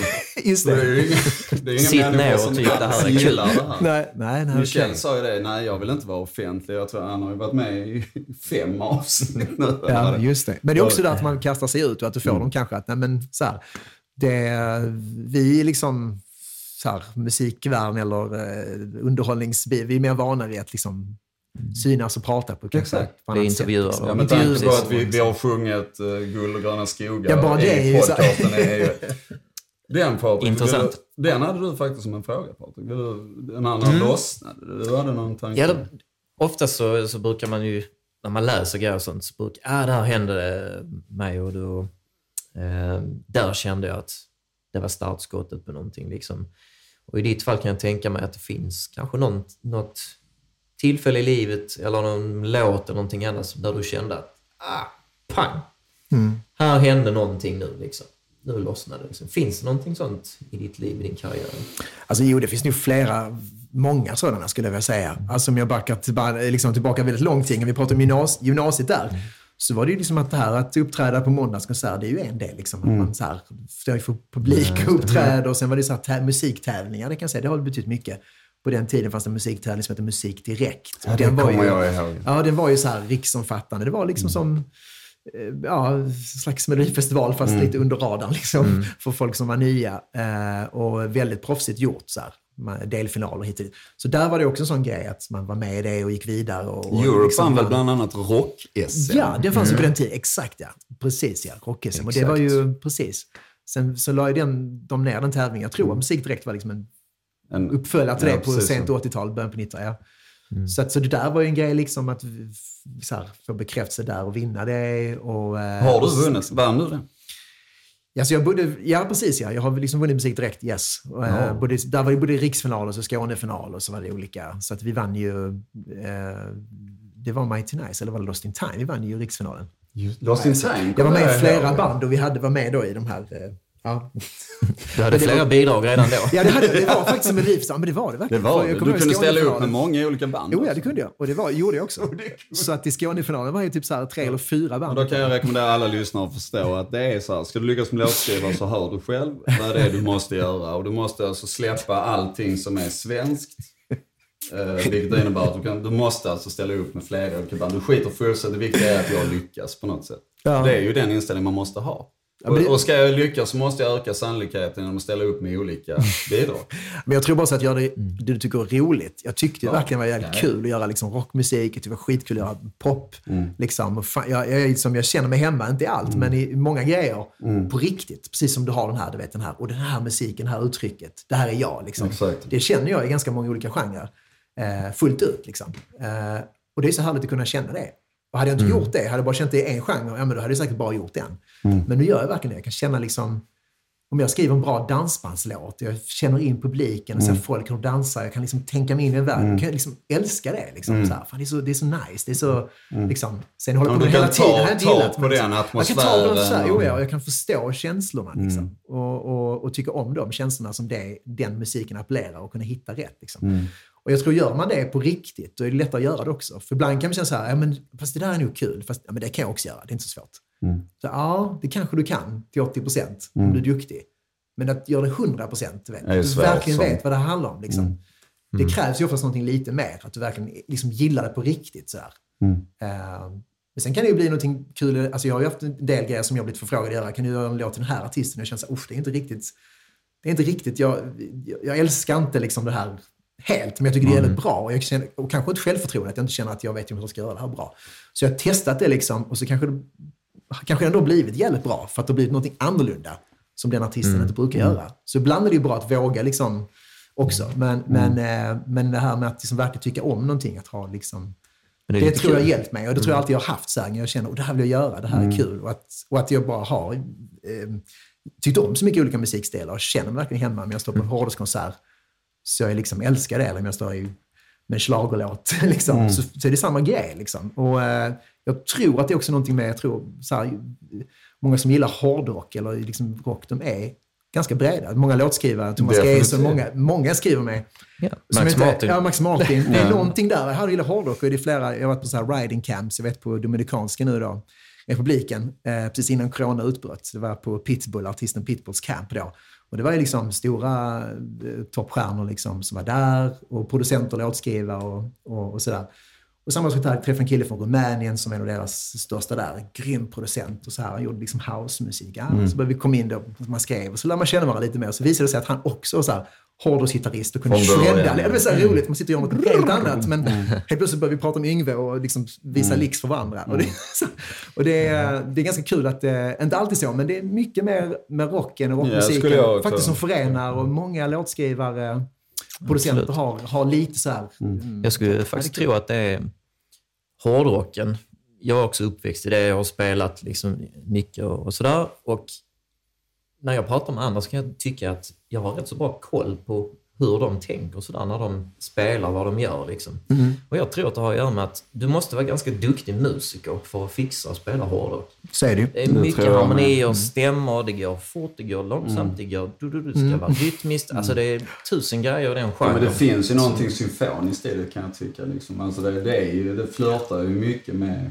Ja, du, du måste ha stenkoll. Liksom, Det är sant, och det är många bitar som är i rocken. Det är rytmiken, det är tajmingen och det är i sig många stilar. Men jag tror det kan man appellera till poppen också. Alltså uttryck, liksom, Definitivt. eh, attityder och, och så här. Så att det, är, ja, det är bara intressant att det har blivit. Men, men för att svara mer på frågan, nu, nu flog mig ut Men det är skönt. men, Ja, men jag När det lossnade. Gör det. Men fanns det någon, finns det någon låt eller en artist som har lanserats eller någonting där du kände att nu, det, du, du, du tog ett jättehopp från det här anonyma Anders Wrethov till att bli den offentliga Anders Wrethov? Eller är det en längre process och resa som har byggt det? Den är ju bara byggt successivt. Alltså, det finns så många delmål. Som jag sa, där musik direkt vinna tävlingar, bla bla bla. Det var ju liksom skitkul. Men en dröm kanske så här, som jag, som jag haft sedan jag var liten. Jag har alltid gillat Melodifestivalen. Jag kollade på den när jag var liten med mina föräldrar på 80-talet. Och det var också första gången jag lade märke till låtskrivare, för det hade jag inte tänkt på tidigare. Då såg man alltid det här och så såg det här då Bobby Då var det ju. Lasse Holm och Ingela Pling Forsman hade Exakt, var, ja. varannat bidrag. Det var det, men även Bobby Ljunggren då, som, Just som det, var nog, det var liksom slutet på 80-talet där. Eh, som jag lade märke till där det var en låtskrivare var. Liksom, och började liksom Mm. tänka på det. Så, här. så där kom nu den. Och det kom också drömmen till att en gång vill jag också med Elise. Jag vill också stå som Bobby Ljunggren där. Så att, eh, och det är klart, då blir det ju en eh, så här, härlig känsla när jag prickade av när jag var 25 då med första bidraget. Och vilket var det? Det var med Günther. Det var Günther and Sunshine, I like Fire Tonight. Kommer alla ihåg Günther tror du? Oh, you touch my tralala. Då den men- skrev du den låten? Den skrev jag, ja. Det var ju det var också en delmål, det är klart. För det var ju min största, min, min största och första riktigt stora hit utanför Sverige. Ja, Det var det. Ja, och den var, var störst var? I Tyskland? det var den inte. Det kan vara många som har trott, men det var den inte. Nej, men den var, alltså, den var ju stor i många länder. Det är klart den var ju störst i Skandinavien. Mm. Men sen så har det ju spridit sig och det är fortfarande av låtarna som jag idag eh, kasserar in ganska mycket på. Är Eh, hela tiden. För den är med i så många, du vet så här, på YouTube, i uh, Men det var ju en program. gimmick. Ja, det var en gimmick. och Alltså du vet, hela, hela grejen, jag menar Günther finns ju egentligen inte kan man väl säga va? Alltså, jo, han finns. Jag, jag tror också att folk har nog Günther i sig på något sätt. Eh, det är lite så här hat... Älskar Ja, det är han turnerar väl överallt. Det är liksom både satisfying och jävligt obehagligt. Faktiskt Samtidigt. ja. ja. Det är ju det. Och att folk har det, allt, liksom det här alter egot. Och, och detta var ju precis på YouTubes begynnelse där 2004.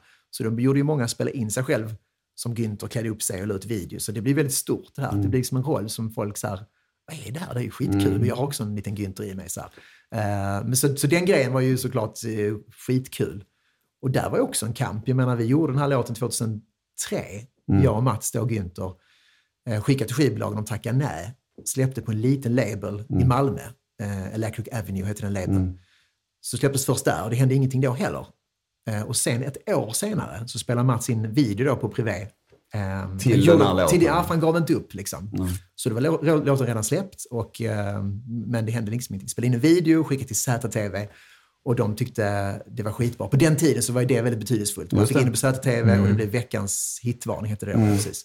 Och då, då small det till och då hörde skivbolagen av sig. Så det var verkligen ingen så här kommersiell jippo-kamp liksom, Nej, som men kämpa- kan tro med sådana jag- grejer. jag- Nej, ver- verkligen inte. Jag kan förstå det därför att den låten, helt naken, jämfört med en video. Mm.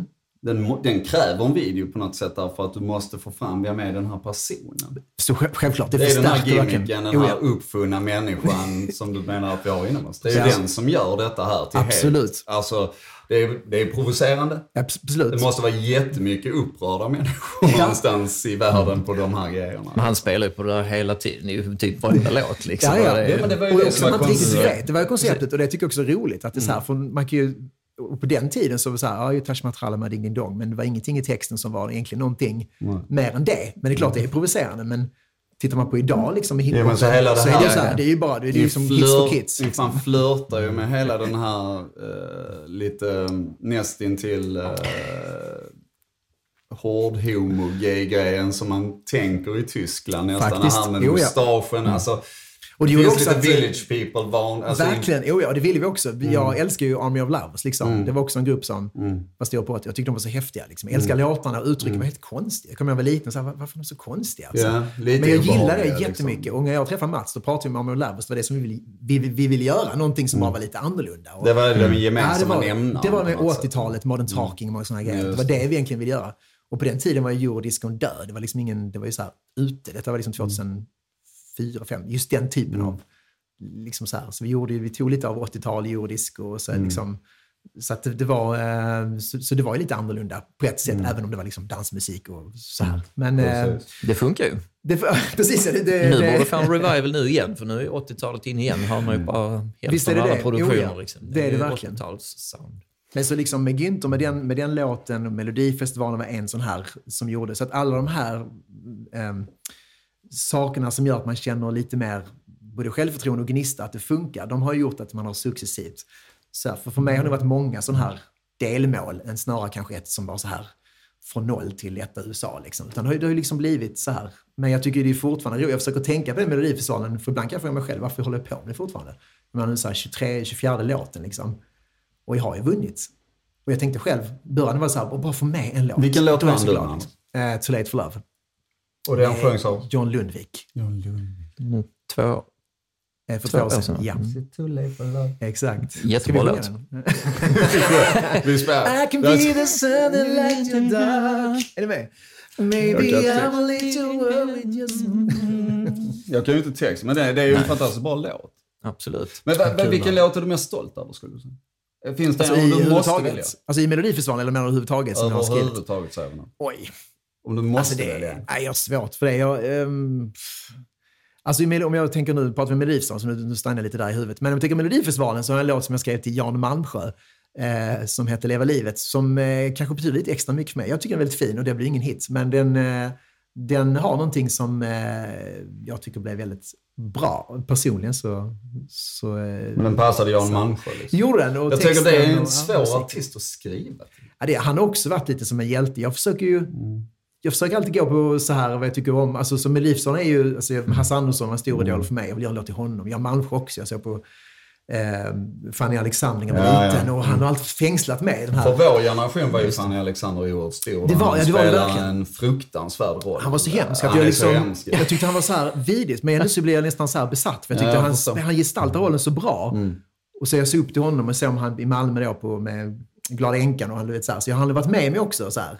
Det är inte så att han varit liksom min största idol. Men Nej, jag jag har sett upp precis. till honom Jag verkligen precis jättemycket. vad Det är så här box-ticking, liksom så här, ah, jag låt? Faktiskt. Ja, men det är det. Och Melodifestivalen är ju en, är ju en eh, vad säger man, ett eh, liksom, utsläpp för, Det är för väldigt ens bra eh, drömmar. för det. Ja, men det är det. För där kan man göra allting egentligen. Du kan ta så här, jag vill göra en låt till Jan Malmsjö, liksom, eller till Hasse Andersson, eller jag vill göra en helt ny låt till någon ung cool artist. Så att det, det är väldigt brett. Så att Ja, där Hasse tycker jag- Andersson tycker jag är ju, är ju fantastisk. Jag vet att nu, nu när det begav sig, när ni, det året, när ni gjorde Guldgröna skogar. Jag vet att jag skickade en video till dig på mina barn när de gick runt och sjöng och skrev till dig Just så här, vad fan har du ställt till med?" Jag tror du fått flera sådana. Jo, men det, det är ju jätteroligt. Det, det är så kul när, när folk skickar och så här. Och den, det, är ju det, nej, men det är ju det roligaste. Det är så himla kul. Och, Mm. Men där och, ser eh, du din impact ju. Ja, jo, men Det måste ju vara Att det finns där ute och så här. Och i synnerhet som Guld och gröna skogar du sa, som, men även Bada nakna som är Viktor. Mm. Det att vissa låtar eh, kan lyckas få en sån bredd. Så här, att det Mm. är förskolor och sjunger och ungdomar kan dansa till det och spela på festen. Pensionärer. Och Guld och gröna skogar är ju en, tror jag, en sån låt där det är väldigt, väldigt bred liksom, krets. För ibland är det man gör i popmusik så är det mellan viss ålder, 15 till 25. Det är liksom där. Sen frågar du en 30-åring som de aldrig ens hört låten. Liksom. Men, Men då den det låten så här, det vet så många. Alla det kunde lyssna på den. liksom. Den gick ju från spädbarn känns det som och uppåt. Ja, det kanske också att den, att den inte har någon, vad ska man säga, den har liksom ingen fiender. Viss musik är ju så här, det är väldigt svårt att inte så här, tycka det är okej. Och jag tror att just Hasse Andersson som artist och den låten är ändå sådär, även om du gillar liksom. Speleman eller skånsk så kan du tycka det är kul. Alltså, i, kanske i Stockholm så här, men fan, det här är så här skönt. Den blir Men liksom han är ju också en väldigt älskvärd människa. Det är han verkligen, så det- Alltså, han, han, han har ju en personlighet som är så oerhört ödmjuk också. Och, och den här, ja. Håller med, han är Jordnära, alltså. liksom. Mm, verkligen. Det är han. Nej. Så jag, jag kan förstå, det är det jag säger. Verkligen. Det är inte lönt göra sig Det är där jag menar att man har, det är ju därför jag kan förstå att du har förebilder som Jan Malmsjö. Och, Mm. alltså, därför att, och jag har dig som förebild därför att jag önskar att jag, jag kunde hela tiden hålla den ödmjukheten som du, som jag upplever att du har. Du kanske är helt jag att du har. fruktansvärd. Ja, in- precis. Jag kanske är raka. Jag bara spelar. Nej, Hemma så, hemma så berättar han för sina barn hela tiden, så vet du hur känd jag är. De bara, pappa kan du hjälpa mig med läxan? Du bara, vet du hur många som drar i mig? Jag måste prioritera. Så ja. Nej, jag måste faktiskt åka och spela in den här podden. Det är Just mycket det. viktigare. Ja, Alltså det är jättefint att höra. Jag blir jätteglad när du säger det med ödmjukhet. Men jag tror, för mig har det ju bara varit så här, jag, jag tänker inte riktigt på det. Utan jag bara, jag liksom... Men Det är din Jag är glad också att jag har, ehm, alltså. Du är ju en människa så som du är. Men jag tror, jag tror så här att jag alltid älskat att jobba med människor. Jag tycker det är kul. Jag tycker det, jag, liksom, det är samma Anders som jag var när jag var liten. Kan jag tänka ibland. Och när den börjar försvinna eller jag blir stressad. Eller man, Mm. Jag har också dagar man känner att eh, liksom, Jag jag är vet. bäst här och jag ska, ja, med tålamod tryter tryter. har vi alla. Så det kan jag också Mm. känna. Då försöker jag så här, tagga ner mig. Liksom, vad fan håller du på med? Liksom, det är ändå Mm. det här, du tycker om det här och skapa musik. Liksom, och, för det, för det, den här branschen kan ju fucka upp en. Det kan det verkligen göra. Mm. Och, och, och det händer. Och, ehm, jag tror det är också en skön Har det hänt dig någon gång? Så- Alltså, klart, jag har haft perioder man kanske känt att eh, någon gång så här att liksom...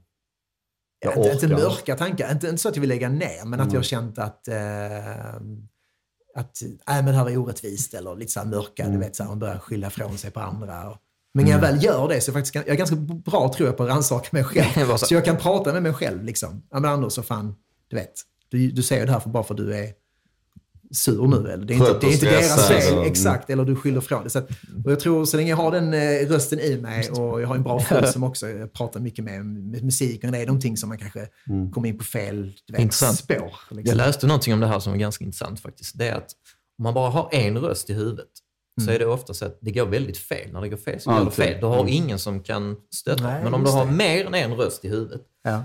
som kan hålla på. Ja, men vänta nu här. Ja. Du kanske ska tänka så och så och kanske någon till röst som pratar. Inte för att du har multipla personligheter, men att du kan bolla med tankarna i huvudet. Det gör att man är väldigt sund psykiskt sett. Vad intressant, Och jag har aldrig hört det. på Det var faktiskt. intressant. Jag, jag känner det också att Ja. När det är jobbiga grejer Mm. så börjar min hjärna också att prata. Mm. Ja, just det. Du bolla.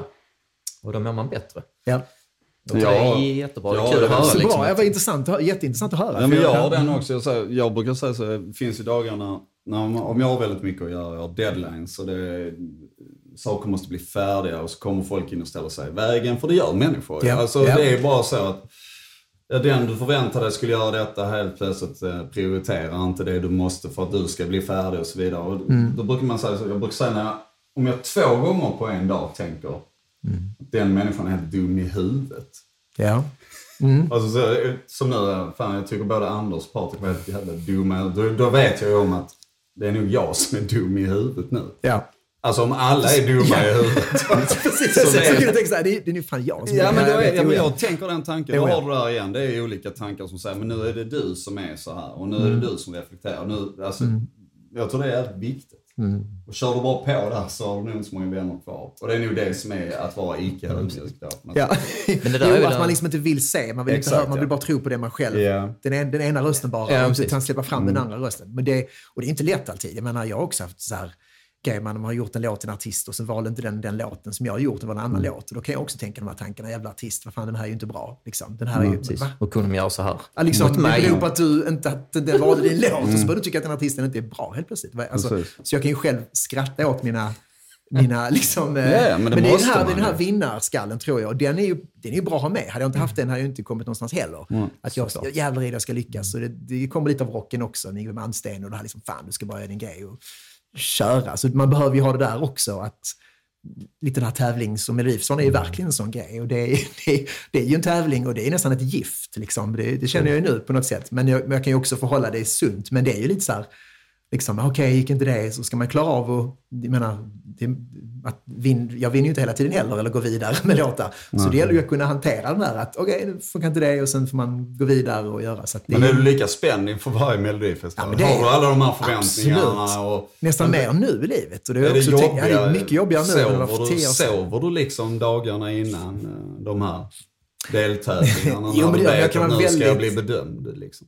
Jo, men jag kan vara väldigt så här, nervös innan och så. Mm. Men det är också det där att jag är ändå låtskrivaren, artisten får ju ta det Det värsta. Det värsta. Så jag brukar tänka på det. Jag tycker det är jobbigt, men undrar hur artisten ser det här. Du kan ju duka med en neddragen keps i green room. Som Så är det. Jo, men sen samtidigt så är det ju det så. att förväntningarna på dig som låtskrivare ökar ju.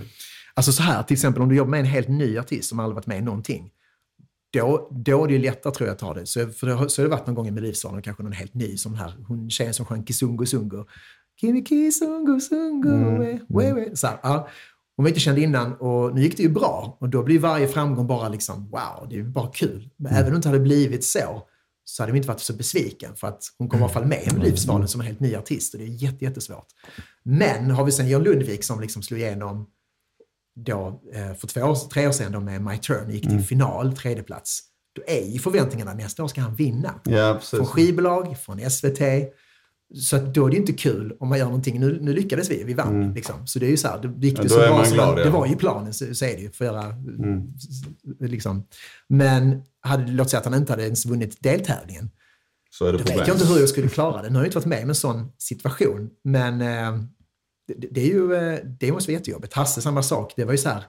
Det var ju bara en bonus om den ens gick vidare. Liksom. Sen bara blev vi bättre och bättre och bättre. Och det är så bara där är som, då är det ju så här, fan vad kul. Men den låten, jag säga, den låten växte ju ur Melodifestivalen. Det gjorde den. Idag Den blev det ju folklig innan det var inte... över, Ja. Eh, Egentligen ska man säga så att det, det förstod man ju liksom vecka ett efter att den hade kommit att det är helt irrelevant om denna här går vidare eller inte. Mm. Därför den har ju redan, den hade ett eget liv direkt. Kändes det som Hasse inte ville vinna. Bara så, Nej, han såg på någon intervju och så, nej, liksom. orkar inte Precis. riktigt. Men det är också en grej som jag brukar tänka på med Gullingar och skogar. Att vi känner inte varandra, vi kom från helt olika tidsepoker. Jag och Hasse, han liksom kände inte till mig tidigare. Nej. Och att när jag lyfte luren till honom, på tal om det här med liksom, ja, komma vidare och, och liksom skapa idéer och så här. Jag ringde honom och sa, hej, jag heter Anders Wreth, jag växte upp med din musik. Jag är ju låtskrivare. Eh, Jag har skrivit en låt till dig. Liksom. Att han då liksom väljer att lyssna och inte avfärda det som en kanske 68-årig man.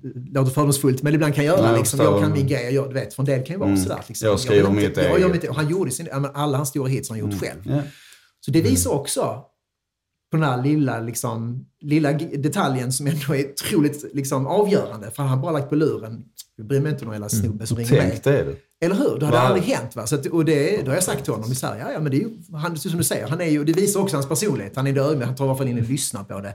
Trots att han inte ens känner Men till hela mig. hans, mina- hela hans katalog måste ju ha fått ett uppsving tack vare Gulligan. Det har han och det säger han ju. Han är jätteglad för det. Och jag är ju såklart bara glad att, Att du fick vara med att, att jag fick göra en låt till honom. För eftersom han var ju faktiskt min stora idol. Och, och han är en av få som jag kan sitta bredvid och vara lite starstruck faktiskt. Annars har jag haft andra stjärnor som jag, du vet, det är en, en kompis artist, Mm. men han kan vara lite så.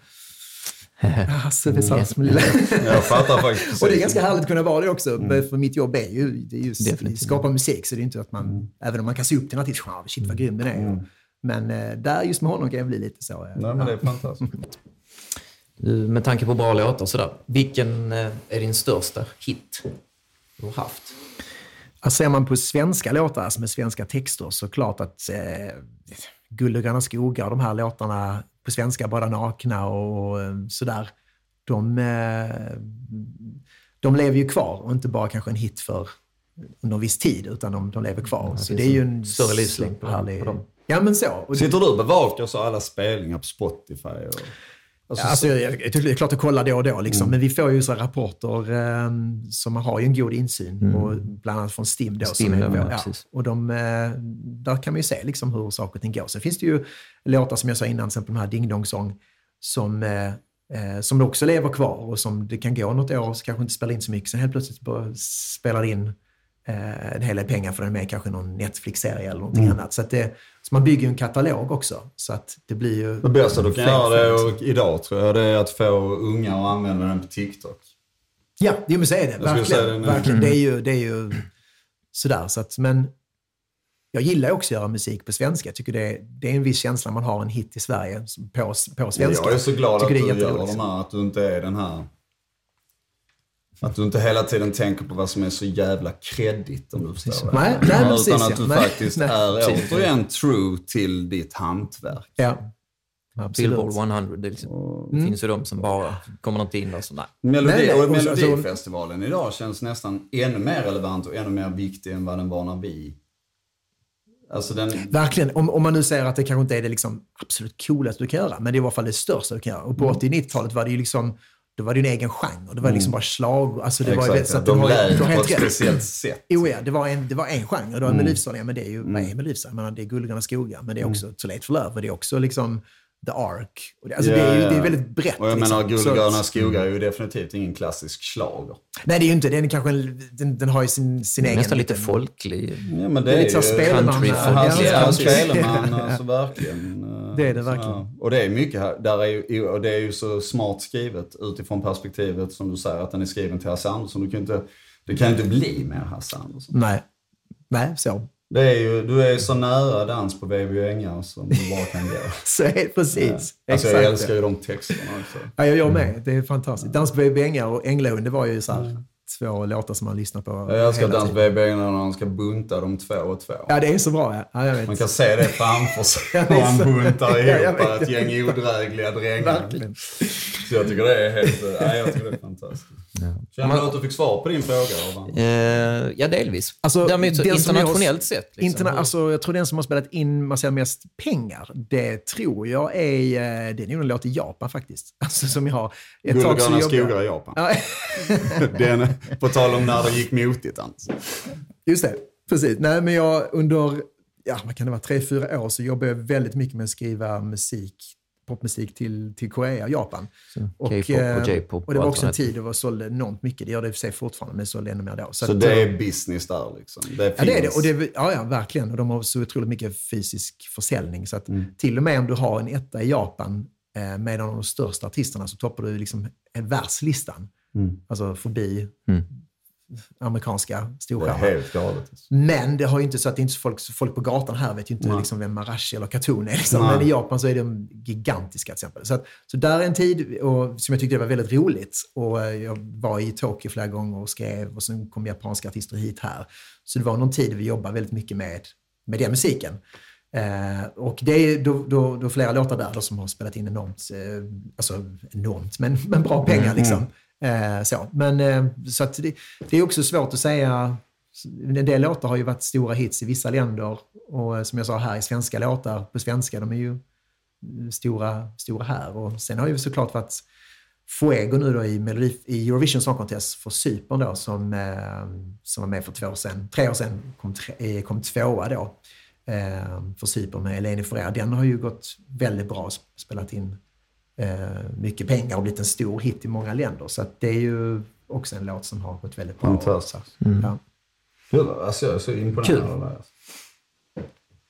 Fan vad kul det är. Ja, jag vet inte. Har du några Nej, men det är det. förebilder? Eh, Ja, oh ja, massor liksom. Och en hel del får jag jobba med. Alltså så här, som jag sa, Hasse är en förebild, Jan Mm. Malmsjö och många låtskrivare jag jobbar med är förebilder. Liksom. Verkligen. Har Alltså, du så här, de- studerat de som jag- hela liksom, det arvet efter Dennis Pop? Har det liksom... Verkligen. Ja, Dennis Pop var en stor förebild. Och, Mm. och jag kommer ihåg när han dog, satte jag upp, satte upp eh, så här, um, ord, vad heter det, så här minnesord om honom från Dagens Nyheter på Musikhögskolan. Och tänkte lite bitter så här, det är ingen jävel här som vet vem han är. Men jag ska sätta upp honom på väggen här så Mm. alla får reda på det. Men, eh, Ja, det är det. ja, det så, men eh, måste... för han liksom...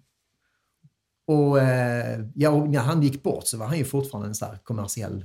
Du vet, det är så intressant hur det är. Nu är det så här, nu är det lite finrummet på honom. Och, Enormt mycket liksom så här, och, men det var det ju inte då. Liksom. Det, det, och det, ja, Han har nästan blivit myt. Ja, ja verkligen, verkligen. Och jag, liksom, jag är ju besatt av hans musik. Och, och han är ju liksom, har ju då, gett det vidare till, till Max Martin och många. Eh, det var ett sound och han hade ju också en sån ja. enorm känsla för musik. Det är det, så här. Och han var ju inte musiker på det sättet som kanske Max Martin och många andra. Men han, han var ju DJ och låtskrivare. Men han, Men Han återigen, han, han visste ju i huvudet vad det var han ville precis, ja, exakt. Ja, och gjorde det så otroligt bra. göra. Mm. Eh, så att, ja, så att han är ju, han är, jag har många förebilder och det är ju det som är så kul. Det är det man går igång på. Man tänker på, ah, shit vad... Jag, är, jag är lika mycket så här musikälskare som jag är musikskapare. Fortfarande, det är jag väldigt glad för. för jag, jag kan tänka mig en del som jobbar med det här, liksom heltid tappar det här, du vet det här musik, du vet, man lyssnar på skiva och man är ah, du vet, då blir det så här, det blir ett jobb liksom. Men, så jag är glad att jag har kvar det fortfarande, jag tycker det är lika kul att gå upp på dagen och jag måste lyssna på den här låten, eller du vet, som ett fan liksom. Eh, och också att få jobba med så många bra, jag menar svenska låtskrivare är ju, så är det ju. Ja, vi är världens är alltså, det, det, det är faktiskt det. Så när jag sitter och jobbar här med liksom, toppteamet i Sverige, liksom, Mm. Så är det liksom på, på vers så är det bara. Och det slår en faktiskt när man åker utomlands. Visst, det Så du nyper dig lite i armen där? eller? Ja, men, ja, men lite grann liksom, faktiskt. Mm. För att få jobba med så många bra. Liksom. Det, det är, och så brett också. Vi, alltså svenska, jag menar med, med hårdrock, det är med Mm. Asien. Vi, vi liksom, svenska låtskrivare toppar i Asien också. Som man kanske inte hör lika mycket om i media. Men det är också en jättestor marknad. Och där finns ju låtskrivare som är specialiserade bara på det. I USA såklart, Max Martin och company. Liksom, Mm. Sverige med alla här. liksom. eh, Europa. Alltså, så det är, många, det är väldigt brett liksom. Mm. Eh, så att... eh, Hur många bidrag har du i Melodifestivalen i år? Fyra stycken har jag. Vem är det? Tusse såg jag. Tusse och Kadiatou, också en. Idol-artist som kom tvåa i Idol. Och Tusse vann ju. Så två, två från Idol kan man säga. Och sen är det då en kille som heter Emil Assegård, trubadur från uppåt Sverige, som, eh, som är jättegrym. Liksom. Och har haft en del hits själv också eh, på Spotify. Eh, så det är lite så här Speleman, lite, Du lite Hasse Andersson. som vanligt är du i singer-. Ja, det är det. liksom. Jo, men de är väldigt, de är väldigt är fyra helt olika Mm. temperaturer på låtarna och stilarna. Det är det. Så, så Emil Assegård, den här, om allting skiter sig, det är en svensk låt, lite åt Hasse Mm. Andersson nästan. Och Tusse har ju en ja, internationell stor pop, eh, liksom, låt. Mm. Har den mest kanske moderna låten, en låt som, som låter lite grann som house gör idag. Eh, housemusik på listorna. Liksom. Så den är, det är kanske ingen låt som Alltså, tänker så, på det alltså, det blir så sjukt spännande Mm. nu efter detta att se dem här, tänker jag. Men, men ehm, Idol, det måste ha ändrat spelplanen väldigt mycket för möjligheter att hitta nya Ja, men det gör det. Jag, artister. Precis, jag kollar ju på Idol själv, tycker programmet är kul att kolla på Mm, och det är ofta där jag från idéer till, till Melodifestivalen så är det att man hittar någon som... Men kan du se redan, det är ju, tycker jag är intressant, när Mm. du tittar på Idol, ser du redan potentialen att den artisten, Jo, men det gör jag. den vill jag skriva till, eller den här Ja, du menar rösten. så. Jo, jo, men det gör jag. Jag kan hitta även de som kanske inte går ens topp 10. Kan jag känna ibland att det, är det det, där är någonting som... Det där skulle jag vilja eh, skriva till. Absolut. Originaliteten. Ja, Ofta så, åh, precis. Där, där, Där är någonting som är... Ja, men där är ju ofta att de kan ha ett unikt i- liksom, uttryck. mm, Eh, Det betyder ju inte att du vinner. verkligen inte. Nej. Jag var ju väldigt imponerad av, av eh, som jag åt av han Kaspar till exempel. Ja, ja. jag satt och tänkte på det också. Där har du en... Ja, men där är ju en som- människa som enligt mig redan är färdig artist Ja. på något sätt. I Ja, men sitt det- eget uttryck. Verkligen. Och det tycker jag också är kul till programmets fördel, till de som är så här kritiska. Bara, Idol är bara Mm. det här. Nej, men det är det ju inte. Kasper är väl inte så här, vad du nu tycker att det ska vara. Och likadant Melodifestivalen, ibland det kommer grejer som, som inte är de här stereotypa, Mm. du vet, hur det ska vara, den perfekta sångdansaren. Som, så här, som är jättebra, men, men det är också kul och det är bra för programmet att det kommer in en sån som Kasper som bara är så här Ser man honom, hans Han är uttryck, så free tänker man inte kanske på liksom. Idol, utan det är, så här, Nej. det är ju som du säger en färdig artist, men han är med i Idol och visar upp sig. Eh, och samma med Melodifestivalen, att det är ju faktiskt så pass brett och du kan göra så otroligt mycket. Eh, så, eh, och han, nej, jag håller med, han är ju också helt fantastisk. Jag tycker Idol detta året var jättebra. Jag kan säga 10. detta året, enligt mig, måste nog ha varit det bästa än så länge. Alltså det är internationell klass på många av tjejerna. Verkligen. Jag tyckte verkligen. tjejerna regerade bra i år där och sen som du säger då, ett par riktigt duktiga manliga sångare. Ja, Och artister också som Kaspar där, tycker jag. verkligen. Så jag tänker där, det måste ju nästan bli en sån rekryteringsunderlag. Det är Idol för dig. Det är som när Jo. du söker Platsbanken efter anställning. Åh! Ja, men lite grann just med, sen tränar man upp sig själv. Alltså Melodifestivalen, då vet man om lite grann vad som krävs av artisten. Alltså låten är en sak, men också vad som krävs av artisten. Och där är det ju, det som är svårare med Melodifestivalen, det är ju att du ska kunna sjunga där tre minuter inför den här arenan och halva befolkningen. Och klara av att göra det och ha en lägstanivå som är så otroligt bra. Det är inte lätt. Och folk kan sitta hemma och säga, ah, ja, det är okej. Det- Du vet, folk är ganska kritiska. Och det är otroligt svårt. Jag vet själv, inte ens om jag själv hade fixat det, trots att jag ändå tycker om att sjunga live och göra det. Det är otroligt Tycker du fortfarande om att sjunga? Live? Ja, men det gör, jag. jag tycker det är kul. Jag gör inget liksom, jag får något eh, förfrågan som jag tycker är rolig att göra eller som jag känner betydelsefull eller jag, så här. Är du igång fortfarande där? Ja, men det, det är lite då och då. Lite det här varit Adams mycket. Ja, men exakt. Oh, ja, det, det tycker jag är skitkul. Och det, har ju, det var ju när jag vann och siktade mot stjärna för hundra år sedan. Men det är kul att det lever kvar och det, det kommer ibland För er som lyssnare som inte vet vad Sikta mot stjärnorna är så var det ett program som egentligen handlade om att, att så gott kunde imitera en artist. det, på den tiden var det nästan som typ Idol. Det, var ju så här, det fanns ju inte så mycket andra program. Ja. Melodifestivalen och Sikte mot stjärnorna var ju ett program där man liksom... Lasse Holm programledare det. Det var han. Och sen Och han, Agneta han sjöng ju även titellåten Ja, det gjorde till han. Sikta mot stjärnorna. Det gjorde han. Så det var ju... Nej, det var jätteroligt. Och det, Och det, den vann ju, du också. det var ju också som Bryan Adams. Ja. Så Anders har vunnit allt. Alla, alla tävlingar du kan vinna har Anders vunnit. Men, eh, ja, men det var väldigt roligt och det, och det, och det tycker jag fortfarande är kul när jag får förfrågningar och Mm. vi, vi åker ut och kör. Eh, liksom Bryan Adams, för mig är det skitkul. Jag älskar det. Också bra att man håller igång rösten. Och det är Mm. Har du träffat Bryan Adams? Det har jag faktiskt inte gjort. Han skulle jag verkligen vilja träffa. Det, det är ju klart en stor idol också. Det är det. Verkligen. Det är, och låtskrivare. Det, alltså sångare är fantastisk, men också låtskrivare. Det är där jag verkligen beundrar han också. Att han har ju Ja, han skrivit de här låtarna. Men Liksom. det är väl det han gör idag?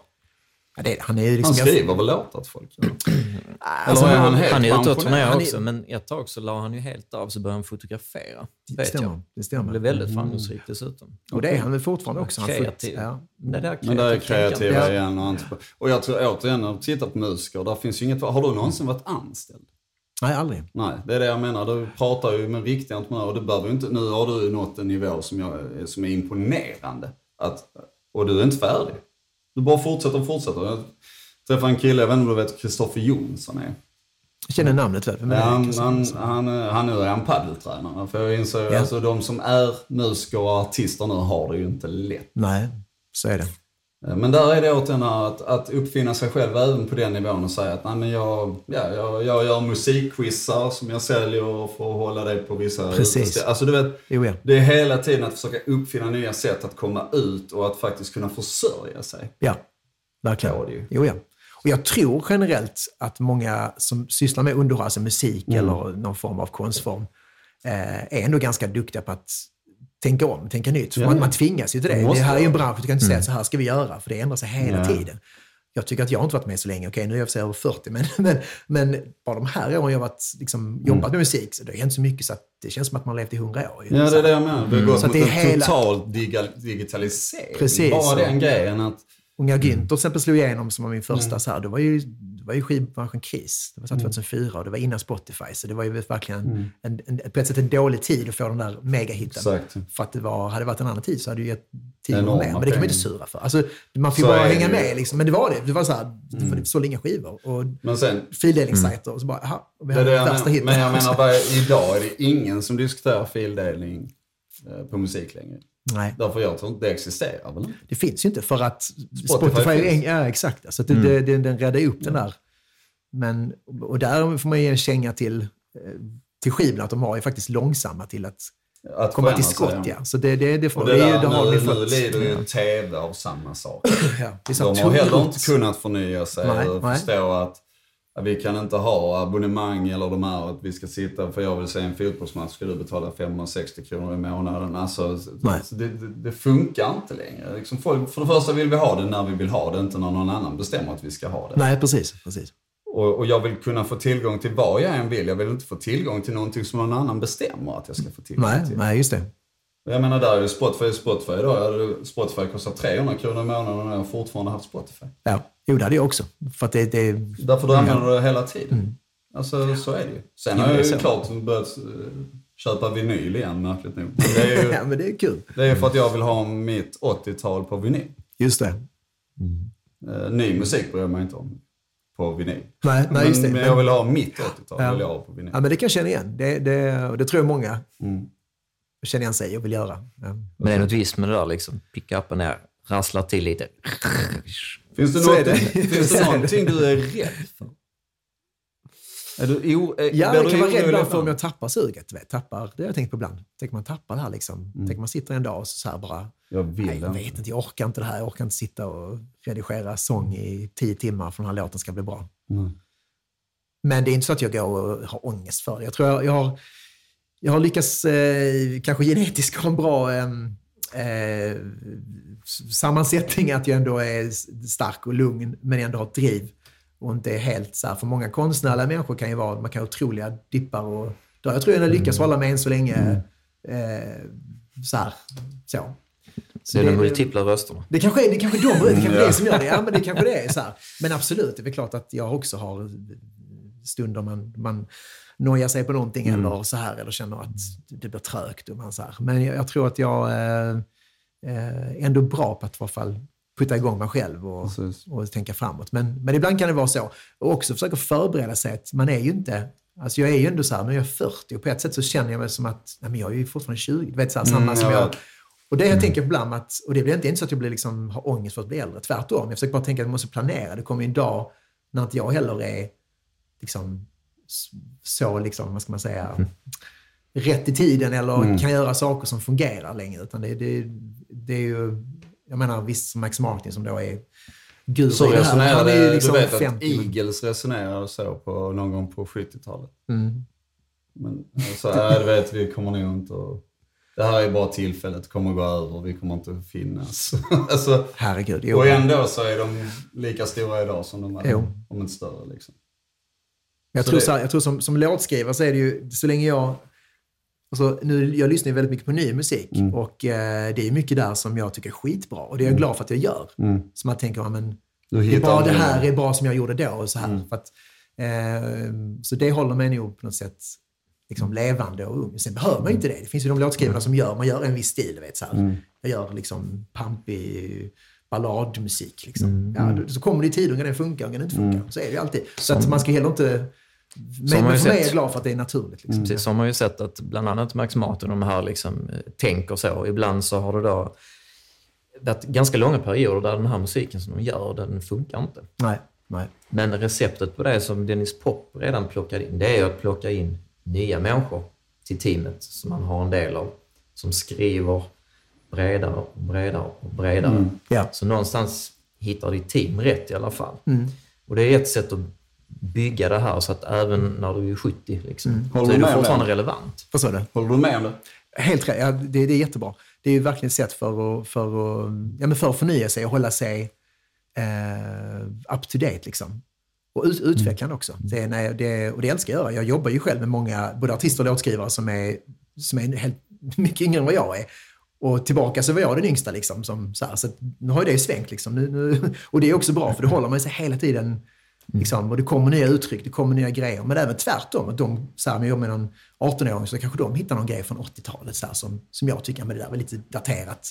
Så de tycker jag är coolt. Liksom. Nej, den här synt, den här brassgrejen där. Det funkar igen. Det Det tycker de är coolt. Liksom. Ja, analoga vad kul. Ja, baser för det vet jag vad det är. Ja, men exakt. Ja. Så det kommer ju grejer liksom. hela tiden och det, och det är bara kul. Det ser jag bara som en, eh, en, en verkligen rolig grej att ha med sig. Att, Fan, vad eh, häftigt. så att det kommer uttryck så kommer det tillbaka igen. Och så. Sen har du kunskapsöverföring också. När du breddar dig och jobbar med nya som är yngre. Ja, Sen helt plötsligt allting som du kan så kan du ge dem tips här i verktygslådan. just det. Ja, jag får inte till det här. Okej, här har jag en skruvmejsel. Ja, Kolla lite på det här.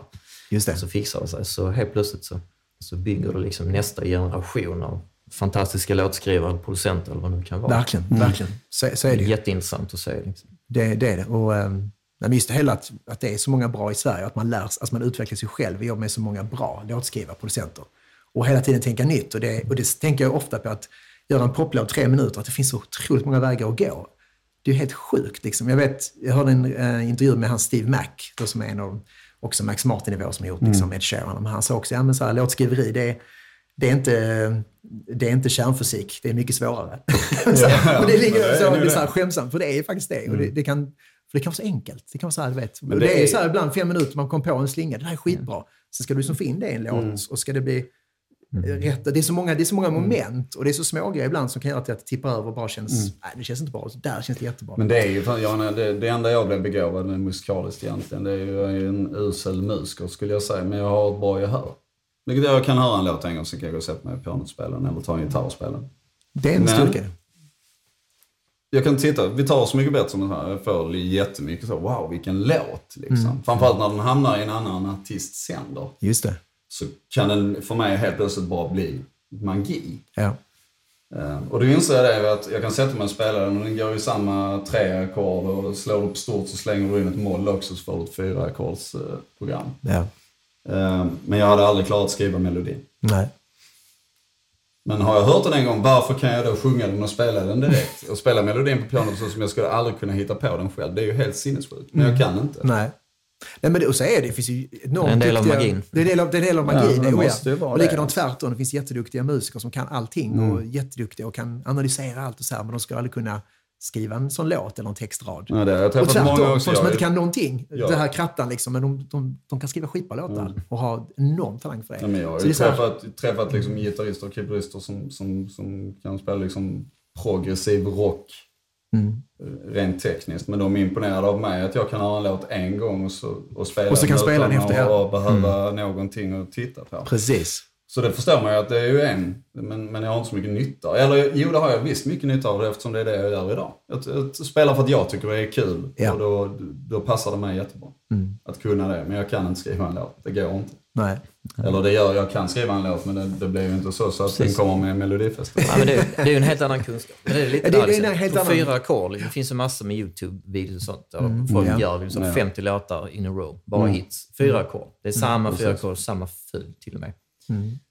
Och det, ja, det är ju inte så konstigt, därför att det sitter ju inte i ackorden. Utan Nej, nej, nej. det sitter ju i melodin liksom, och hur du lyckas engagera så. Och det är, ju- Jo, ja, med kombination av så många saker. och det är helt otroligt. Det är som eh, eh, Brian Adams sa, it's not hard to write a song, it's hard to write a good song. Och det är någonting i det, så är det ju. Mm. Jag menar, du kan ju skriva, jag tror många kan skriva en låt så här snabbt bara, ja, så, men få till en bra låt, det är ju inte lätt. Och hade det varit det så hade ju ännu fler gjort Sen är det ju så att du måste Det bara, om, om det är det du vill jobba med. Så att jag vill bli låtskrivare så måste det ju handla om det. Det är bara att sätta igång och göra det. Så är det. Jag kan titta på detta som ett lysande exempel. För jag, jag jämförde att starta en podcast om entreprenörskap eller vad som helst. Det är samma jobb som att starta ett företag. Ja. Det är lika mycket jobb som att starta ett bolag. Eh, och det du säger också om jag tittar på det, eller lyssnar och tittar på det första avsnittet vi spelade in jämfört med ljudkvaliteten på det här avsnittet som vi spelar in idag. Eller eh, hur mycket formatet har ändrat sig på sju, åtta avsnitt. Ja, Och hur mycket mer jag har lärt mig. Vad blir bra och vad blir inte bra? Mm. Vad är jag duktig på, vad är jag inte duktig på? Vad måste jag ha hjälp med? Ehm, och det är som jag säger, det är klart att när du, när du kommer upp, om jag har spelat in det tusende avsnittet av en podcast så är det självklart att den är bättre ja än avsnitt ett.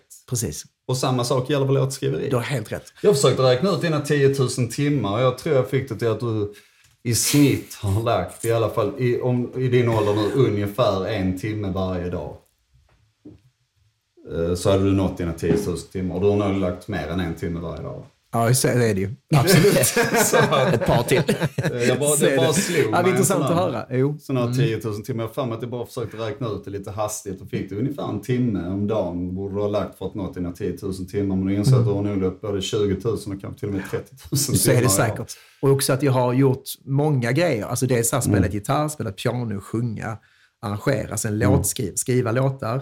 Det är en, liksom, en del. Och att Mm. Gifta sig med en sångerska och- det är många bitar. Då tar det också då tar det sin tid och blev liksom, någorlunda hype på de här bitarna. Eh, och det gillar jag ju. Och det är det man känner idag, att man kan känna, gud vad härligt, jag kan faktiskt spela tillräckligt mycket gitarr för att lägga gitarr på en låt, jag kan spela piano för att lägga keyboard, och skriveriet och producera musik för det är ytterligare en... Jag tror det är väldigt viktigt det där, liksom, att inte känna sig beroende. Du kan göra det själv. Liksom. Har man idéer som kommer så, jag kan. Jag kanske inte är bäst men jag kan ändå liksom Precis, i varje fall förverkliga den så. idén. Så, jo, men det tror jag är en bra... Spara mycket tid. Samtidigt så är jag hade någon fråga innan eh, om det, men det, kommer in på det här liksom också. Att, Ställ Så- den så- frågan nu, för vi måste börja runda av. Okej. Nej, men det är snarare så här liksom att eh, det är ingen fråga egentligen, utan det är nästan ett påstående. Men det är kul att höra din bild av det. Men vi pratar om entreprenörskap. Att jobba med det här låtskriveri då på en viss nivå, och du ska jobba med andra. Det kräver ju då att du ska kunna en massa olika saker. Du var själv inne på att man ska kunna skriva låtar, kanske producera det, du ska kunna marknadsföra det, du ska vara din egen VD, du ska administrera saker, du ska kunna tusentals olika grejer. Och det är ju liksom som att bygga ett företag själv utan hjälp av någon annan egentligen. Upplever du samma sak, att du är tvingad till att bli multitalang liksom för att, att driva det här på en viss nivå? Mm. Ja, det, det är intressant. Jo, men jag har väl eh, ofta tänkt att man, oh, jag måste bli bättre på det här, bättre på det här och bättre på det här. Eh, inom allt det här jag håller på med. Eh, och det är ju kul och det vill jag bli. Samtidigt så har jag också pratat med andra producenter och låtskrivare om just det här att, eh, att faktiskt öppna upp för att ta hjälp. Om man verkligen hade gjort bara det man var absolut bäst på och tagit hjälp med de andra sakerna så kanske man kunnat uppnå ännu större eh, mål. Och det är sånt som vi pratar om, producenter, och, och kan dela med oss här. Och det ligger ju kanske en viss del prestige att man vill ändå känna att "Ja, men jag ska fixa det här, jag ska producera det här. Och kanske en viss, jag vet inte om man ska säga det, svenskhet, men så vissa, vi ska liksom, man, ska, man ska kunna och liksom sådär. Än att snarare tänka, men det här kan inte jag, jag, jag vill kontakta någon annan. Liksom. Man vill ändå sitta och försöka i varje fall, se hur långt det kan komma. Så att det, jag skulle säga att det är, en, det är en kombination. Det är väldigt bra att kunna, hade jag inte kunnat någonting, alltså mer än att skriva en låt, då hade jag behövt hjälp att spela någon som spelar gitarr på låten, någon som kommer in och eh, producerar den och så här. Och det finns ju folk som gör, och jag tror USA är mycket mer så att där är ju, har man, producenten har ju en session player. Liksom. Bara, vad, vadå session player? Det kommer in och spelar in gitarr och piano. Det så här, och för dem liksom gör en grej. Här, jag tror generellt i Sverige så är vi ganska duktiga på att göra ganska mycket. Att en låtskrivare här och producent kan ändå spela instrument, kan sjunga lite, kan så, här. så det är klart att det är en jättetillgång. precis. Men jag tror att vara öppen för att ta in folk och samarbete, och det är vi ju här. Jag menar, många, alla, de här låtarna jag gör idag är jag inte själv, även om jag själv skulle kunna, skulle kunna skriva en hel låt och producera den färdigt. Så tar jag också in folk för att få det bättre och få det intressantare. Och liksom, Mm. Jag tror det är en nivåskillnad också. det. I början blir man ju tvingad precis som ett bolag. Du har inte rätt. råd att ta in den och den och den, så du måste lära dig. Och sen så när du kommer till en viss nivå så, ah, okej. Han var faktiskt bättre på det här, eller hon skrev bättre. Där sa du grejer. Det som är, är det. det. Precis som är, är det. magiskt i detta att lyssna på, det är ju att jag känner igen mig själv till 100% Ja. i mitt jobb som entreprenör. Jag menar, det är precis det det handlar om. Att, varför spela in en podcast? Liksom? Tusen människor gör det bättre, men, men det handlar om att lära sig det. Ja, det. och, och att faktiskt göra det och vara medveten om att säga att det här är inte ultimat. Nej. Jag gör inte detta bäst i världen. Men jag gör det. Ja. Och, och, och sen som ni säger då, att när, när du når en viss nivå så kan du släppa det och säga att okej, eh, jag är inte jättebra på att rigga kameror i detta. Det är inte min grej. Alltså, det, det kanske någon annan borde gjort. Jo, ja. Men du kanske kan få hjälp med de verktygen så att det, så att det kan bli det Ja, bästa. Och precis. det ser jag en hel del artister, som till exempel Anis Don Demina, som jag jobbar med. Han, så han började ju som YouTuber utan att han var en YouTuber. Liksom. Han kunde inte säkert tekniken eller allting. Nej. Och sen har, det bara liksom, har han tagit hjälp på vägen, för han har kastat sig ut, haft drivet och mål, liksom målet. Så att det har bara fyllt på och fyllt på. Eller precis som du sa, Samir Viktor, som en del kan tänka, ja, men de, så här, de kan ju inte sjunga, vad ska de vara? Men de har ju precis använt, de har liksom satsat, lärt sig på vägen, navigerat rätt liksom. Tagit med rätt folk som kanske Men de har ju upp. blivit folkliga. Och det är också såklart, ja. att de har nått framgång Helt för plötsligt. viss... jag menar, eh, Samir jo. börjar sin karriär i Paradise Hotel. Liksom. Ja. Mm. Ja. Det- Jag menar, Carolina Gynning började också Oh, i ja. Big Brother. Liksom. Ja men så är det. Och sex som eh, Anis, blir eh, Anis Don Demina, han var ju som så här, saxofonist i Samir Viktor. Och sen var han med, med själv i. Melodifestivalen. och nu ska han vara programledare. Så att Ja. han har ju verkligen börjat från, från noll och sen då liksom, ja. Precis. Jag har fått covid-katt. ja, men det är Patrik allergisk mot katter. Hela huset fullt med Är det så? katter. Och Anders också katt. Ja. Ja. ja, det är sant. Alltså, vi, men bengalkatter, de är bra för alla allergiker. det är de. Men. Patrik är så känslig. Han tåler ingenting. Har du aldrig gjort. Nej, jag är en känslig kille. Finns det någon entreprenörsdröm kvar i dig? Har du någonting som du tänkt, det här, åh, jag vill starta, jag hade velat ha detta eller starta detta. Ja, men hotell tycker jag är skitkul. Fler hotell. Det är? Eh, alltså. Absolut. Men det, Tycker måste är inte vara, det kan inte vara roligt just nu? Då? Alltså vi har ju klarat oss väldigt bra. Nu Ni vi har det? Ja, eh, och det är också eh, intressant att se på att nu är vi ett litet hotell. Det Mm. är liksom en lantlig miljö. Och det är nio rum och varje rum har egen utgång. Så att jag tror, anledningen är att många storhotell, Scandic och stora hotell, då tänker folk att ja, men där vill vi inte vara för där är ju massa folk, Folk, och det är trångt, så då tar vi ett mindre hotell. Så vår beläggning har ju inte varit alltså, något sämre, men inte mycket. Mm. Fan, Inte så, bra. Vad, vad glad Så jag blev. det- Jag hade förberett mig för att det skulle bli en Ja, sån tung del i avsnittet. Att Anders satt och... Ja, vi lever ju precis. Ja, ja. Nej, verkligen inte. Och det, och det är ju så, det är såklart man är jätteglad för. Men, och sen också att vi inte vi har ingen konferensbetonad verksamhet. i många hotell som har det och då missar de ju kunder för de har konferenser och allt det. Så, att, eh, så att nej, vi, vi har inte alls lidit. Jag märker att de stora har panik. Många. Så är det ju. Jo, ja. Jag vet. Verkligen. Eh, Lisa Salford bland annat ringer ju till mig och, och frågar om hur vi planerar våra konferenser. Alltså de ringer ut till Ja, det, folk få- som har bokat innan för att liksom på något Ja. sätt försöka skapa en prognos av när kommer vi igång igen. Just det. Just det. Så jag förstår att det, det måste vara hemskt. Alltså. Mm. Jo, det är det. Har man då flera hotell, låt säga att man inte är man kanske inte är på eh, Mm. Peter Stordalen-nivå, men man är liksom, tänkt att ha tre hotell med Mm. konferensbetonad verksamhet. Då är det ju inte kul liksom. För då Nej, har du ju liksom... måste då, då är det ju, ja. Och det är inte så lätt. Många andra bran- branscher kan man i alla fall får hitta nya lösningar, men hotell är ju hotell. Så Men så här, man kan ju försöka hitta lösningar, men det, det är Artisterna, ändå... Anders. Mm. Hur, hur har de det idag? De, de har också det tufft, det har de. Nu, har, nu får de så här stöd också de lämnar in. Så flera jag har jobbat med det här året, Mm. som då har inte varit ute och spelat en enda gång, de, har, ju fått, de har ju fått pengar. Ja, bra. Eh, och jag tror faktiskt de som, vad ska man säga, de som är på lite högre nivå, de har klarat sig bättre. Mm. Dels så har de ju mer pengar, alltså rent kapital, och dels så får de mer pengar Mm. av staten. Alltså, så. Men det kommer Så- streaming på det, liksom, att folk lyssnar ju fortfarande Det, på det, musik. oh ja. att Och det är samma sak där. Som oss l- låtskrivare, producenter, vi har ju drabbats minst av alla i kedjan. Eftersom vi, vår inkomst är ju fortfarande samma. Folk lyssnar på musik, om inte mer. Till så och att- med. ja. Ja, så vi har ju inte drabbats heller. Så att det är klart man är jätteglad och tacksam för det. Liksom. Och jag tror många artister har använt den här tiden att använda det till rätt, att vara mer kreativ. För normalt sett, när jag är i studion och det är en artist som är väldigt eh, liksom upptagen, då är det ju så här, det skivbolag, okej det är en dag där, in i studion, skriv klart den, pang, pang, pang. Så är det oftast. Liksom. Så då gäller det för mig också att planera och liksom, okej nu har vi en dag här, nu ska vi gå in och göra det här. Medan nu, det här året, har de haft mer tid. Liksom. Och det är många som har ringt själv. Liksom. Kan jag komma ner och skriva? Och, liksom, så jag har försökt ta vara på det. Så att jag har ju skrivit mer än någonsin det här året. Eh, för att artisterna har haft mer tid. Och jag har känt att jag har haft inspiration också. Försökt vända det här. Tänka, ta vara på det här istället för att liksom, Ja, se det som en möjlighet. Liksom. Bygga Faktiskt. en katalog som inte har kommit ut ännu. Nej, nej men precis. Så att jag tror så att många artister har, i Sverige, i Sverige i varje fall, har ändå eh, eh, tänkt om och, och skrivit mer musik och gjort och förberett mer. Och så får vi se jag tror de har en fördel där i återigen att som, som artist eller låtskrivare spelar ingen roll. Du måste vara entreprenöriell. Du har en gång i tiden uppfunnit dig själv. Ja, Vem är jag i detta? Mm. Och det gör ju också att du har möjligheten att göra det igen nu. ja. Eh, Spelplanen ritas om och det gör de ju hela tiden. Tyvärr en ganska tråkig impact nu med pandemin. Men, eh, Men det tror jag, det här är du inne på rätt spår, som att vara artist, men även som, som låtskrivare och producent, Mm. du måste ju vara alltså, entreprenör, kunna hitta... Och, och det, och det Det pratar är vi därför ofta du får med... vara med med i detta överhuvudtaget. men det är just det, okej. ja men det är ju det. Det är där, det är det fokuset egentligen är Ja. detta. Det handlar om entreprenörskap. Nej, men det är så, det, det, vi pratar ofta med, med skivbolagen om, Mm. liksom så här, i och med att flera jag vänner privat som jobbar på, på skivbolag, man pratar om artister på ett lite annat sätt. Och det, Mm. mm. det är så här, ja, men de artisterna som, som jobbar själv framåt, Mm. inte som sitter liksom så här och visar att skivbolagen ska göra. Att, du vet, de som tar initiativ och jobbar framåt, det för det att skivbolag också vill jobba mer med dem. Och så är det med mig med. Och det Mm. kommer frustrerade artister med, jag har inte haft en hit, kan du skriva en låt med? Det för ju ingen bra... Liksom, Nej. Nej, men jag förstår ju artisten, liksom. men det liksom Ja. blir ingen så här, det blir liksom ingen kul. Utan att man... Ja, men så det där med ge och ta. Ja, men lite grann. Precis som att ha...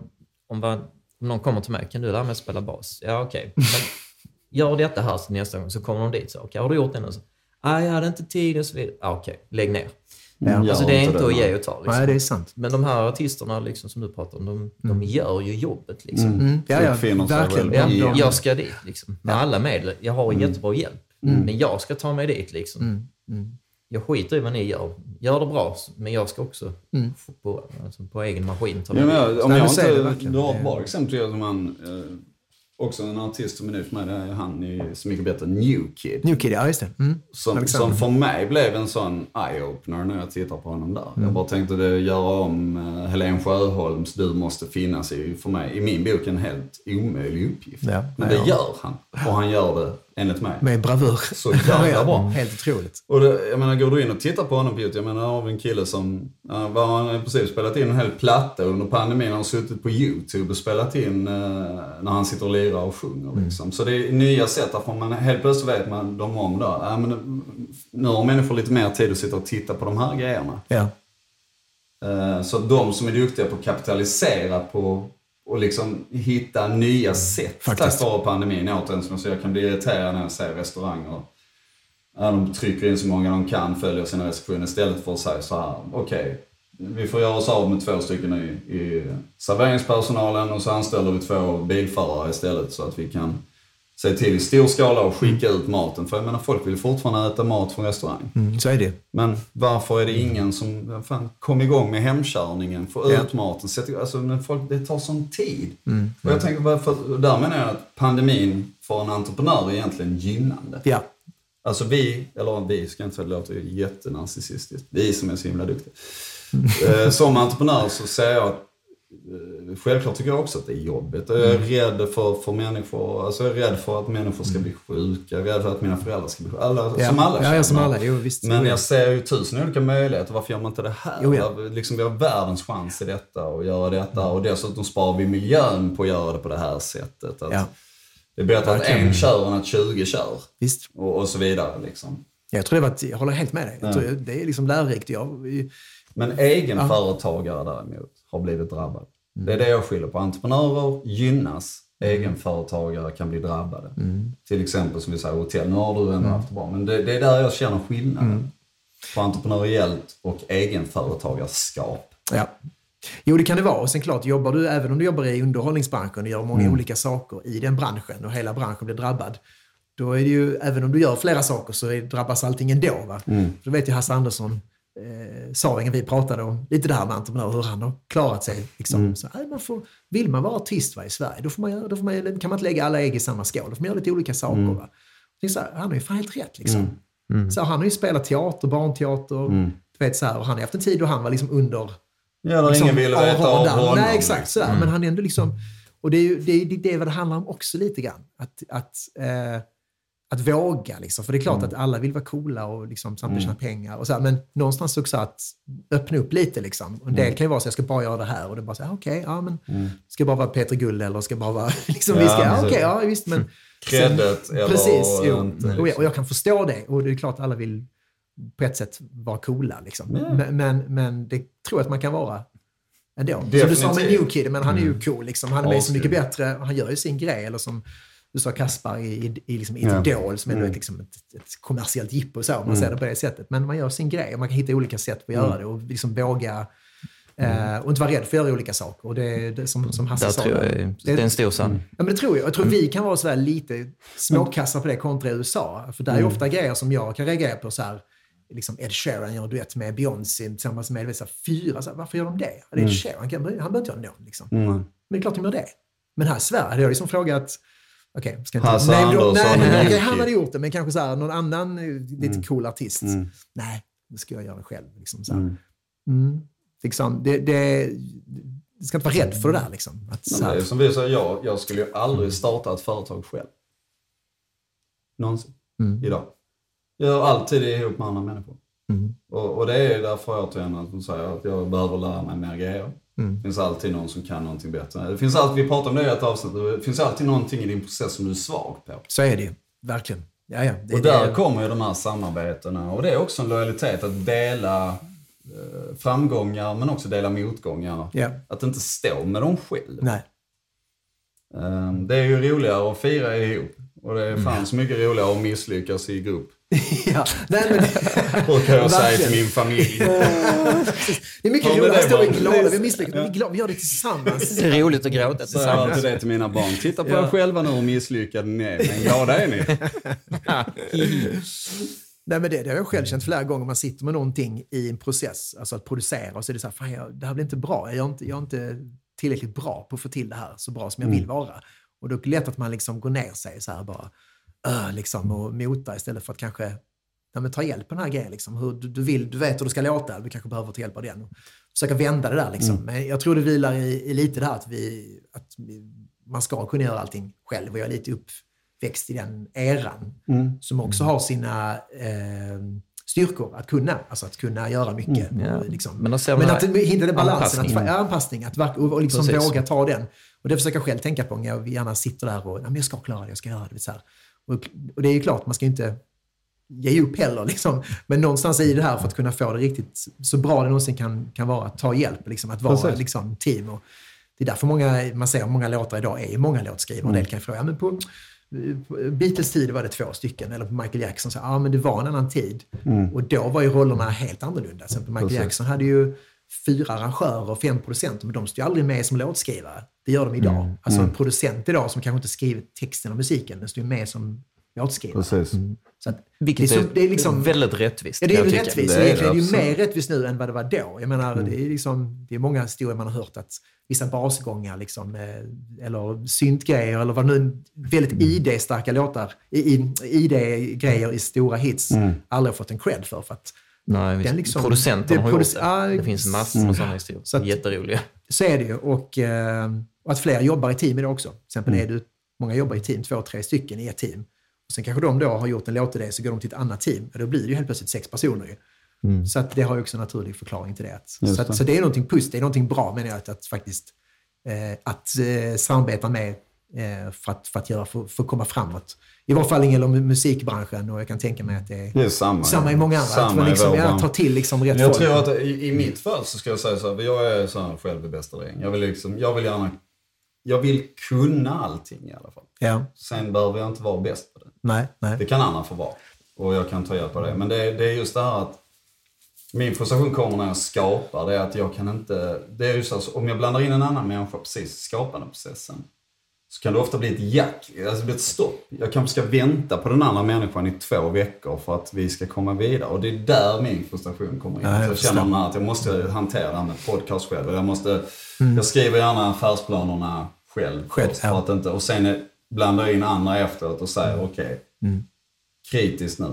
Ja. Titta på det här. Liksom. Mm. Men det kan ju vara ganska bra också att man vet vad det är man behöver ha hjälp med. Ah, Okej, Ja. det här fixar Det här var jag bra på. Det här blev kanske inte så jättebra. Mm, Så då kan man ju plocka bort den. Och det är bra att ha kunskapen också tror jag när man ska förmedla till någon annan vad det är jag behöver hjälp. Jag vill ha det här gjort. Och man kan värdera svaret man får också. att ah, Okej, det var ett bra svar. Liksom. Ja, ja, Jag tror att det här kan bli bra då.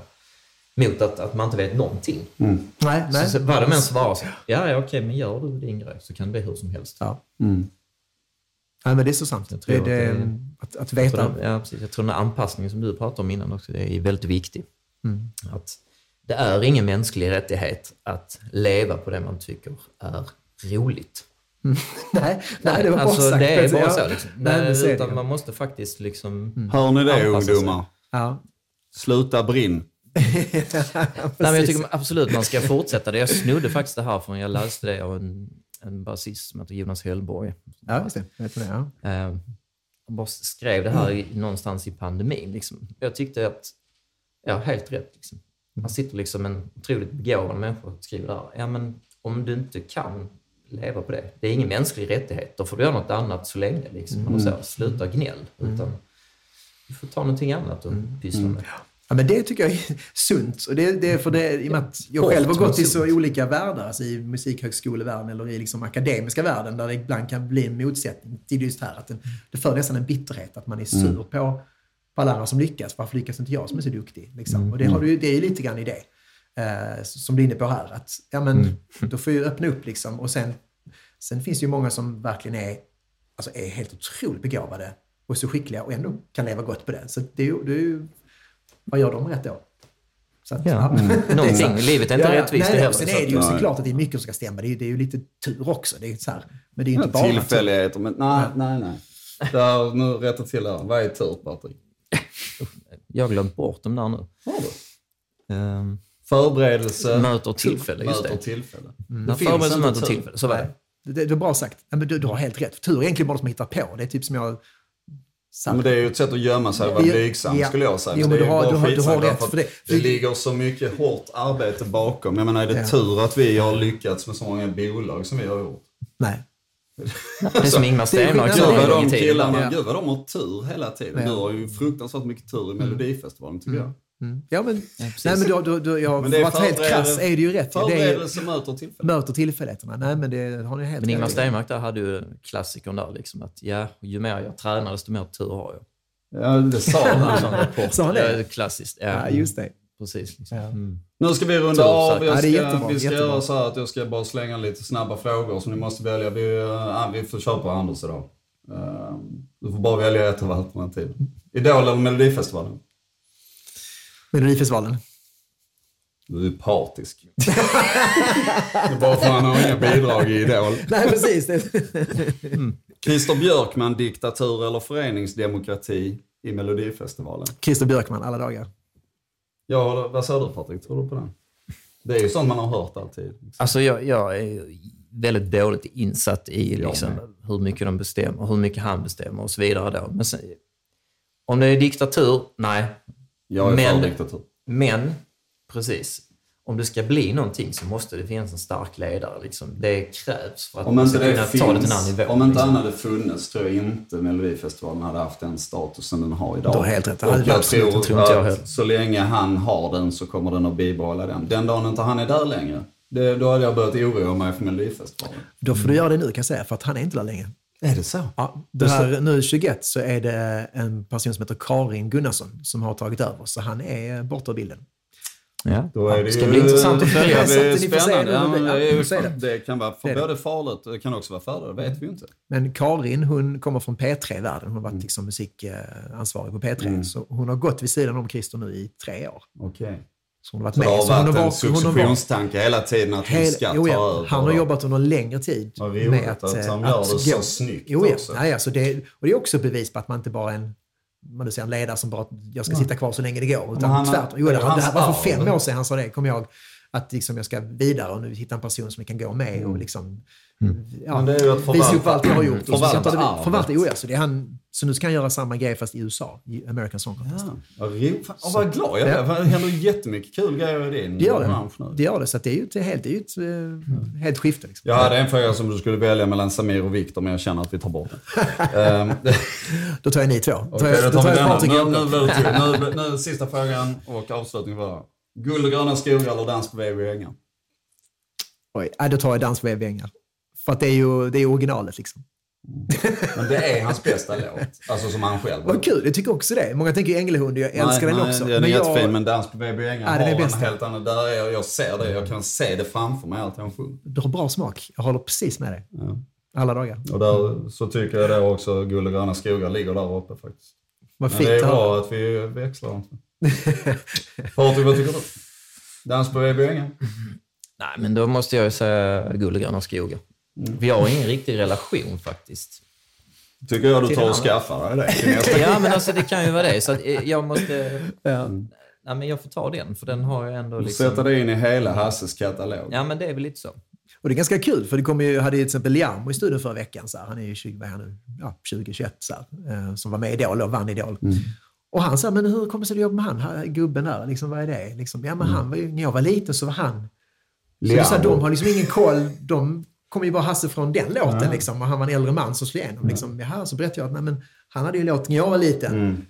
Eh, och karriär. Och liksom, han var liksom, Så det är ganska kul att det är också att eh, det kommer. Som jag var liten och upptäckte Alice Cooper. Mm. Då var han ju liksom gubbe och spelade med Poison. Jag bara shit vad coolt. Så jag har ingen Mm. aning om att han var känd på 70-talet och liksom, det kom ju långt senare. Jag fattade Mm. vad det var. Ja. Och det var konstiga låtar. Så här, gamla 70 Det lät helt, lät helt liksom, som inte jag ville skulle låta. Liksom. Mm. Poison är perfekt 80-tal, Slivers. Liksom.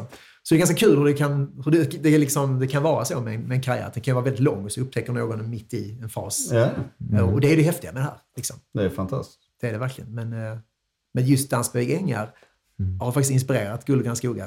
Eh, alltså den, Ja, men det, ni, har samma, ni har samma element där med dans. Dans och håll igång. Ja, just det. Logen, Just det, natt och ja. Ja. Och så samma då med den här, när han beskriver den här dansen då med de här Mm. eh, chokladhjul och... Jo, men lite så. Det är den, ja. Det känns skånskt och det känns från en, 2.0. svu, en svunnen tid på något sätt. Liksom. Som man, eh, jag brukar säga de här belysningen vi har här ute på den ställningen är den där dansrotundebelysningen. Och det är lite Ja. den känslan jag kan få i de här Verkligen, låtarna. Liksom. verkligen. De här dansrotunderna. Jag ska köpa kulörta lyktor till dig i julklapp. ja, så blir det Så riktigt sån. riktigt. Riktigt sån. Och med de orden så vill jag tacka Patrik lite grann. Nice. Jag vill tacka er fantastiskt. Alltså jag, Ja, jag tackar dig också lite grann tillbaka. Ja. Vi, ni är fantastiska och jag, alltså jag är så oerhört lycklig i själen att du ställde upp på detta Anders, ska du veta. Det betyder Tack. Jättemycket det här. för mig att du kom och ställde upp. Ja, fint. verkligen roligt. Och roligt, alltså så oerhört roligt. Jag tycker det är det bästa avsnittet, säger jag varje gång vi har spelat in. Det här är det bästa avsnittet. Men det är bra, det blir det bättre varje gång. Men det här avsnittet är två timmar långt. Det är intressant, säger jag. Två timmar. Det är så långt Två- alltså. vi suttit- vi Ja, men det här var så timmar. kul. Det känns som Ja, att men tiden det bara är har gått så bara, här. men det känns som att vi sitter med, ja, det, det känns som att det var på tiden. På något Mm. sätt. Jag, Jo, vet, men jag har saknat dig mycket. Ja, detsamma. Jag är så glad att direkt när du hörde av dig. så Jävlar vad kul. Ja. Skitroligt. Ja, Men åter, vi bryter och Tack så mycket alla som har lyssnat. Så här, hej då. Tack. Hej då, hej då.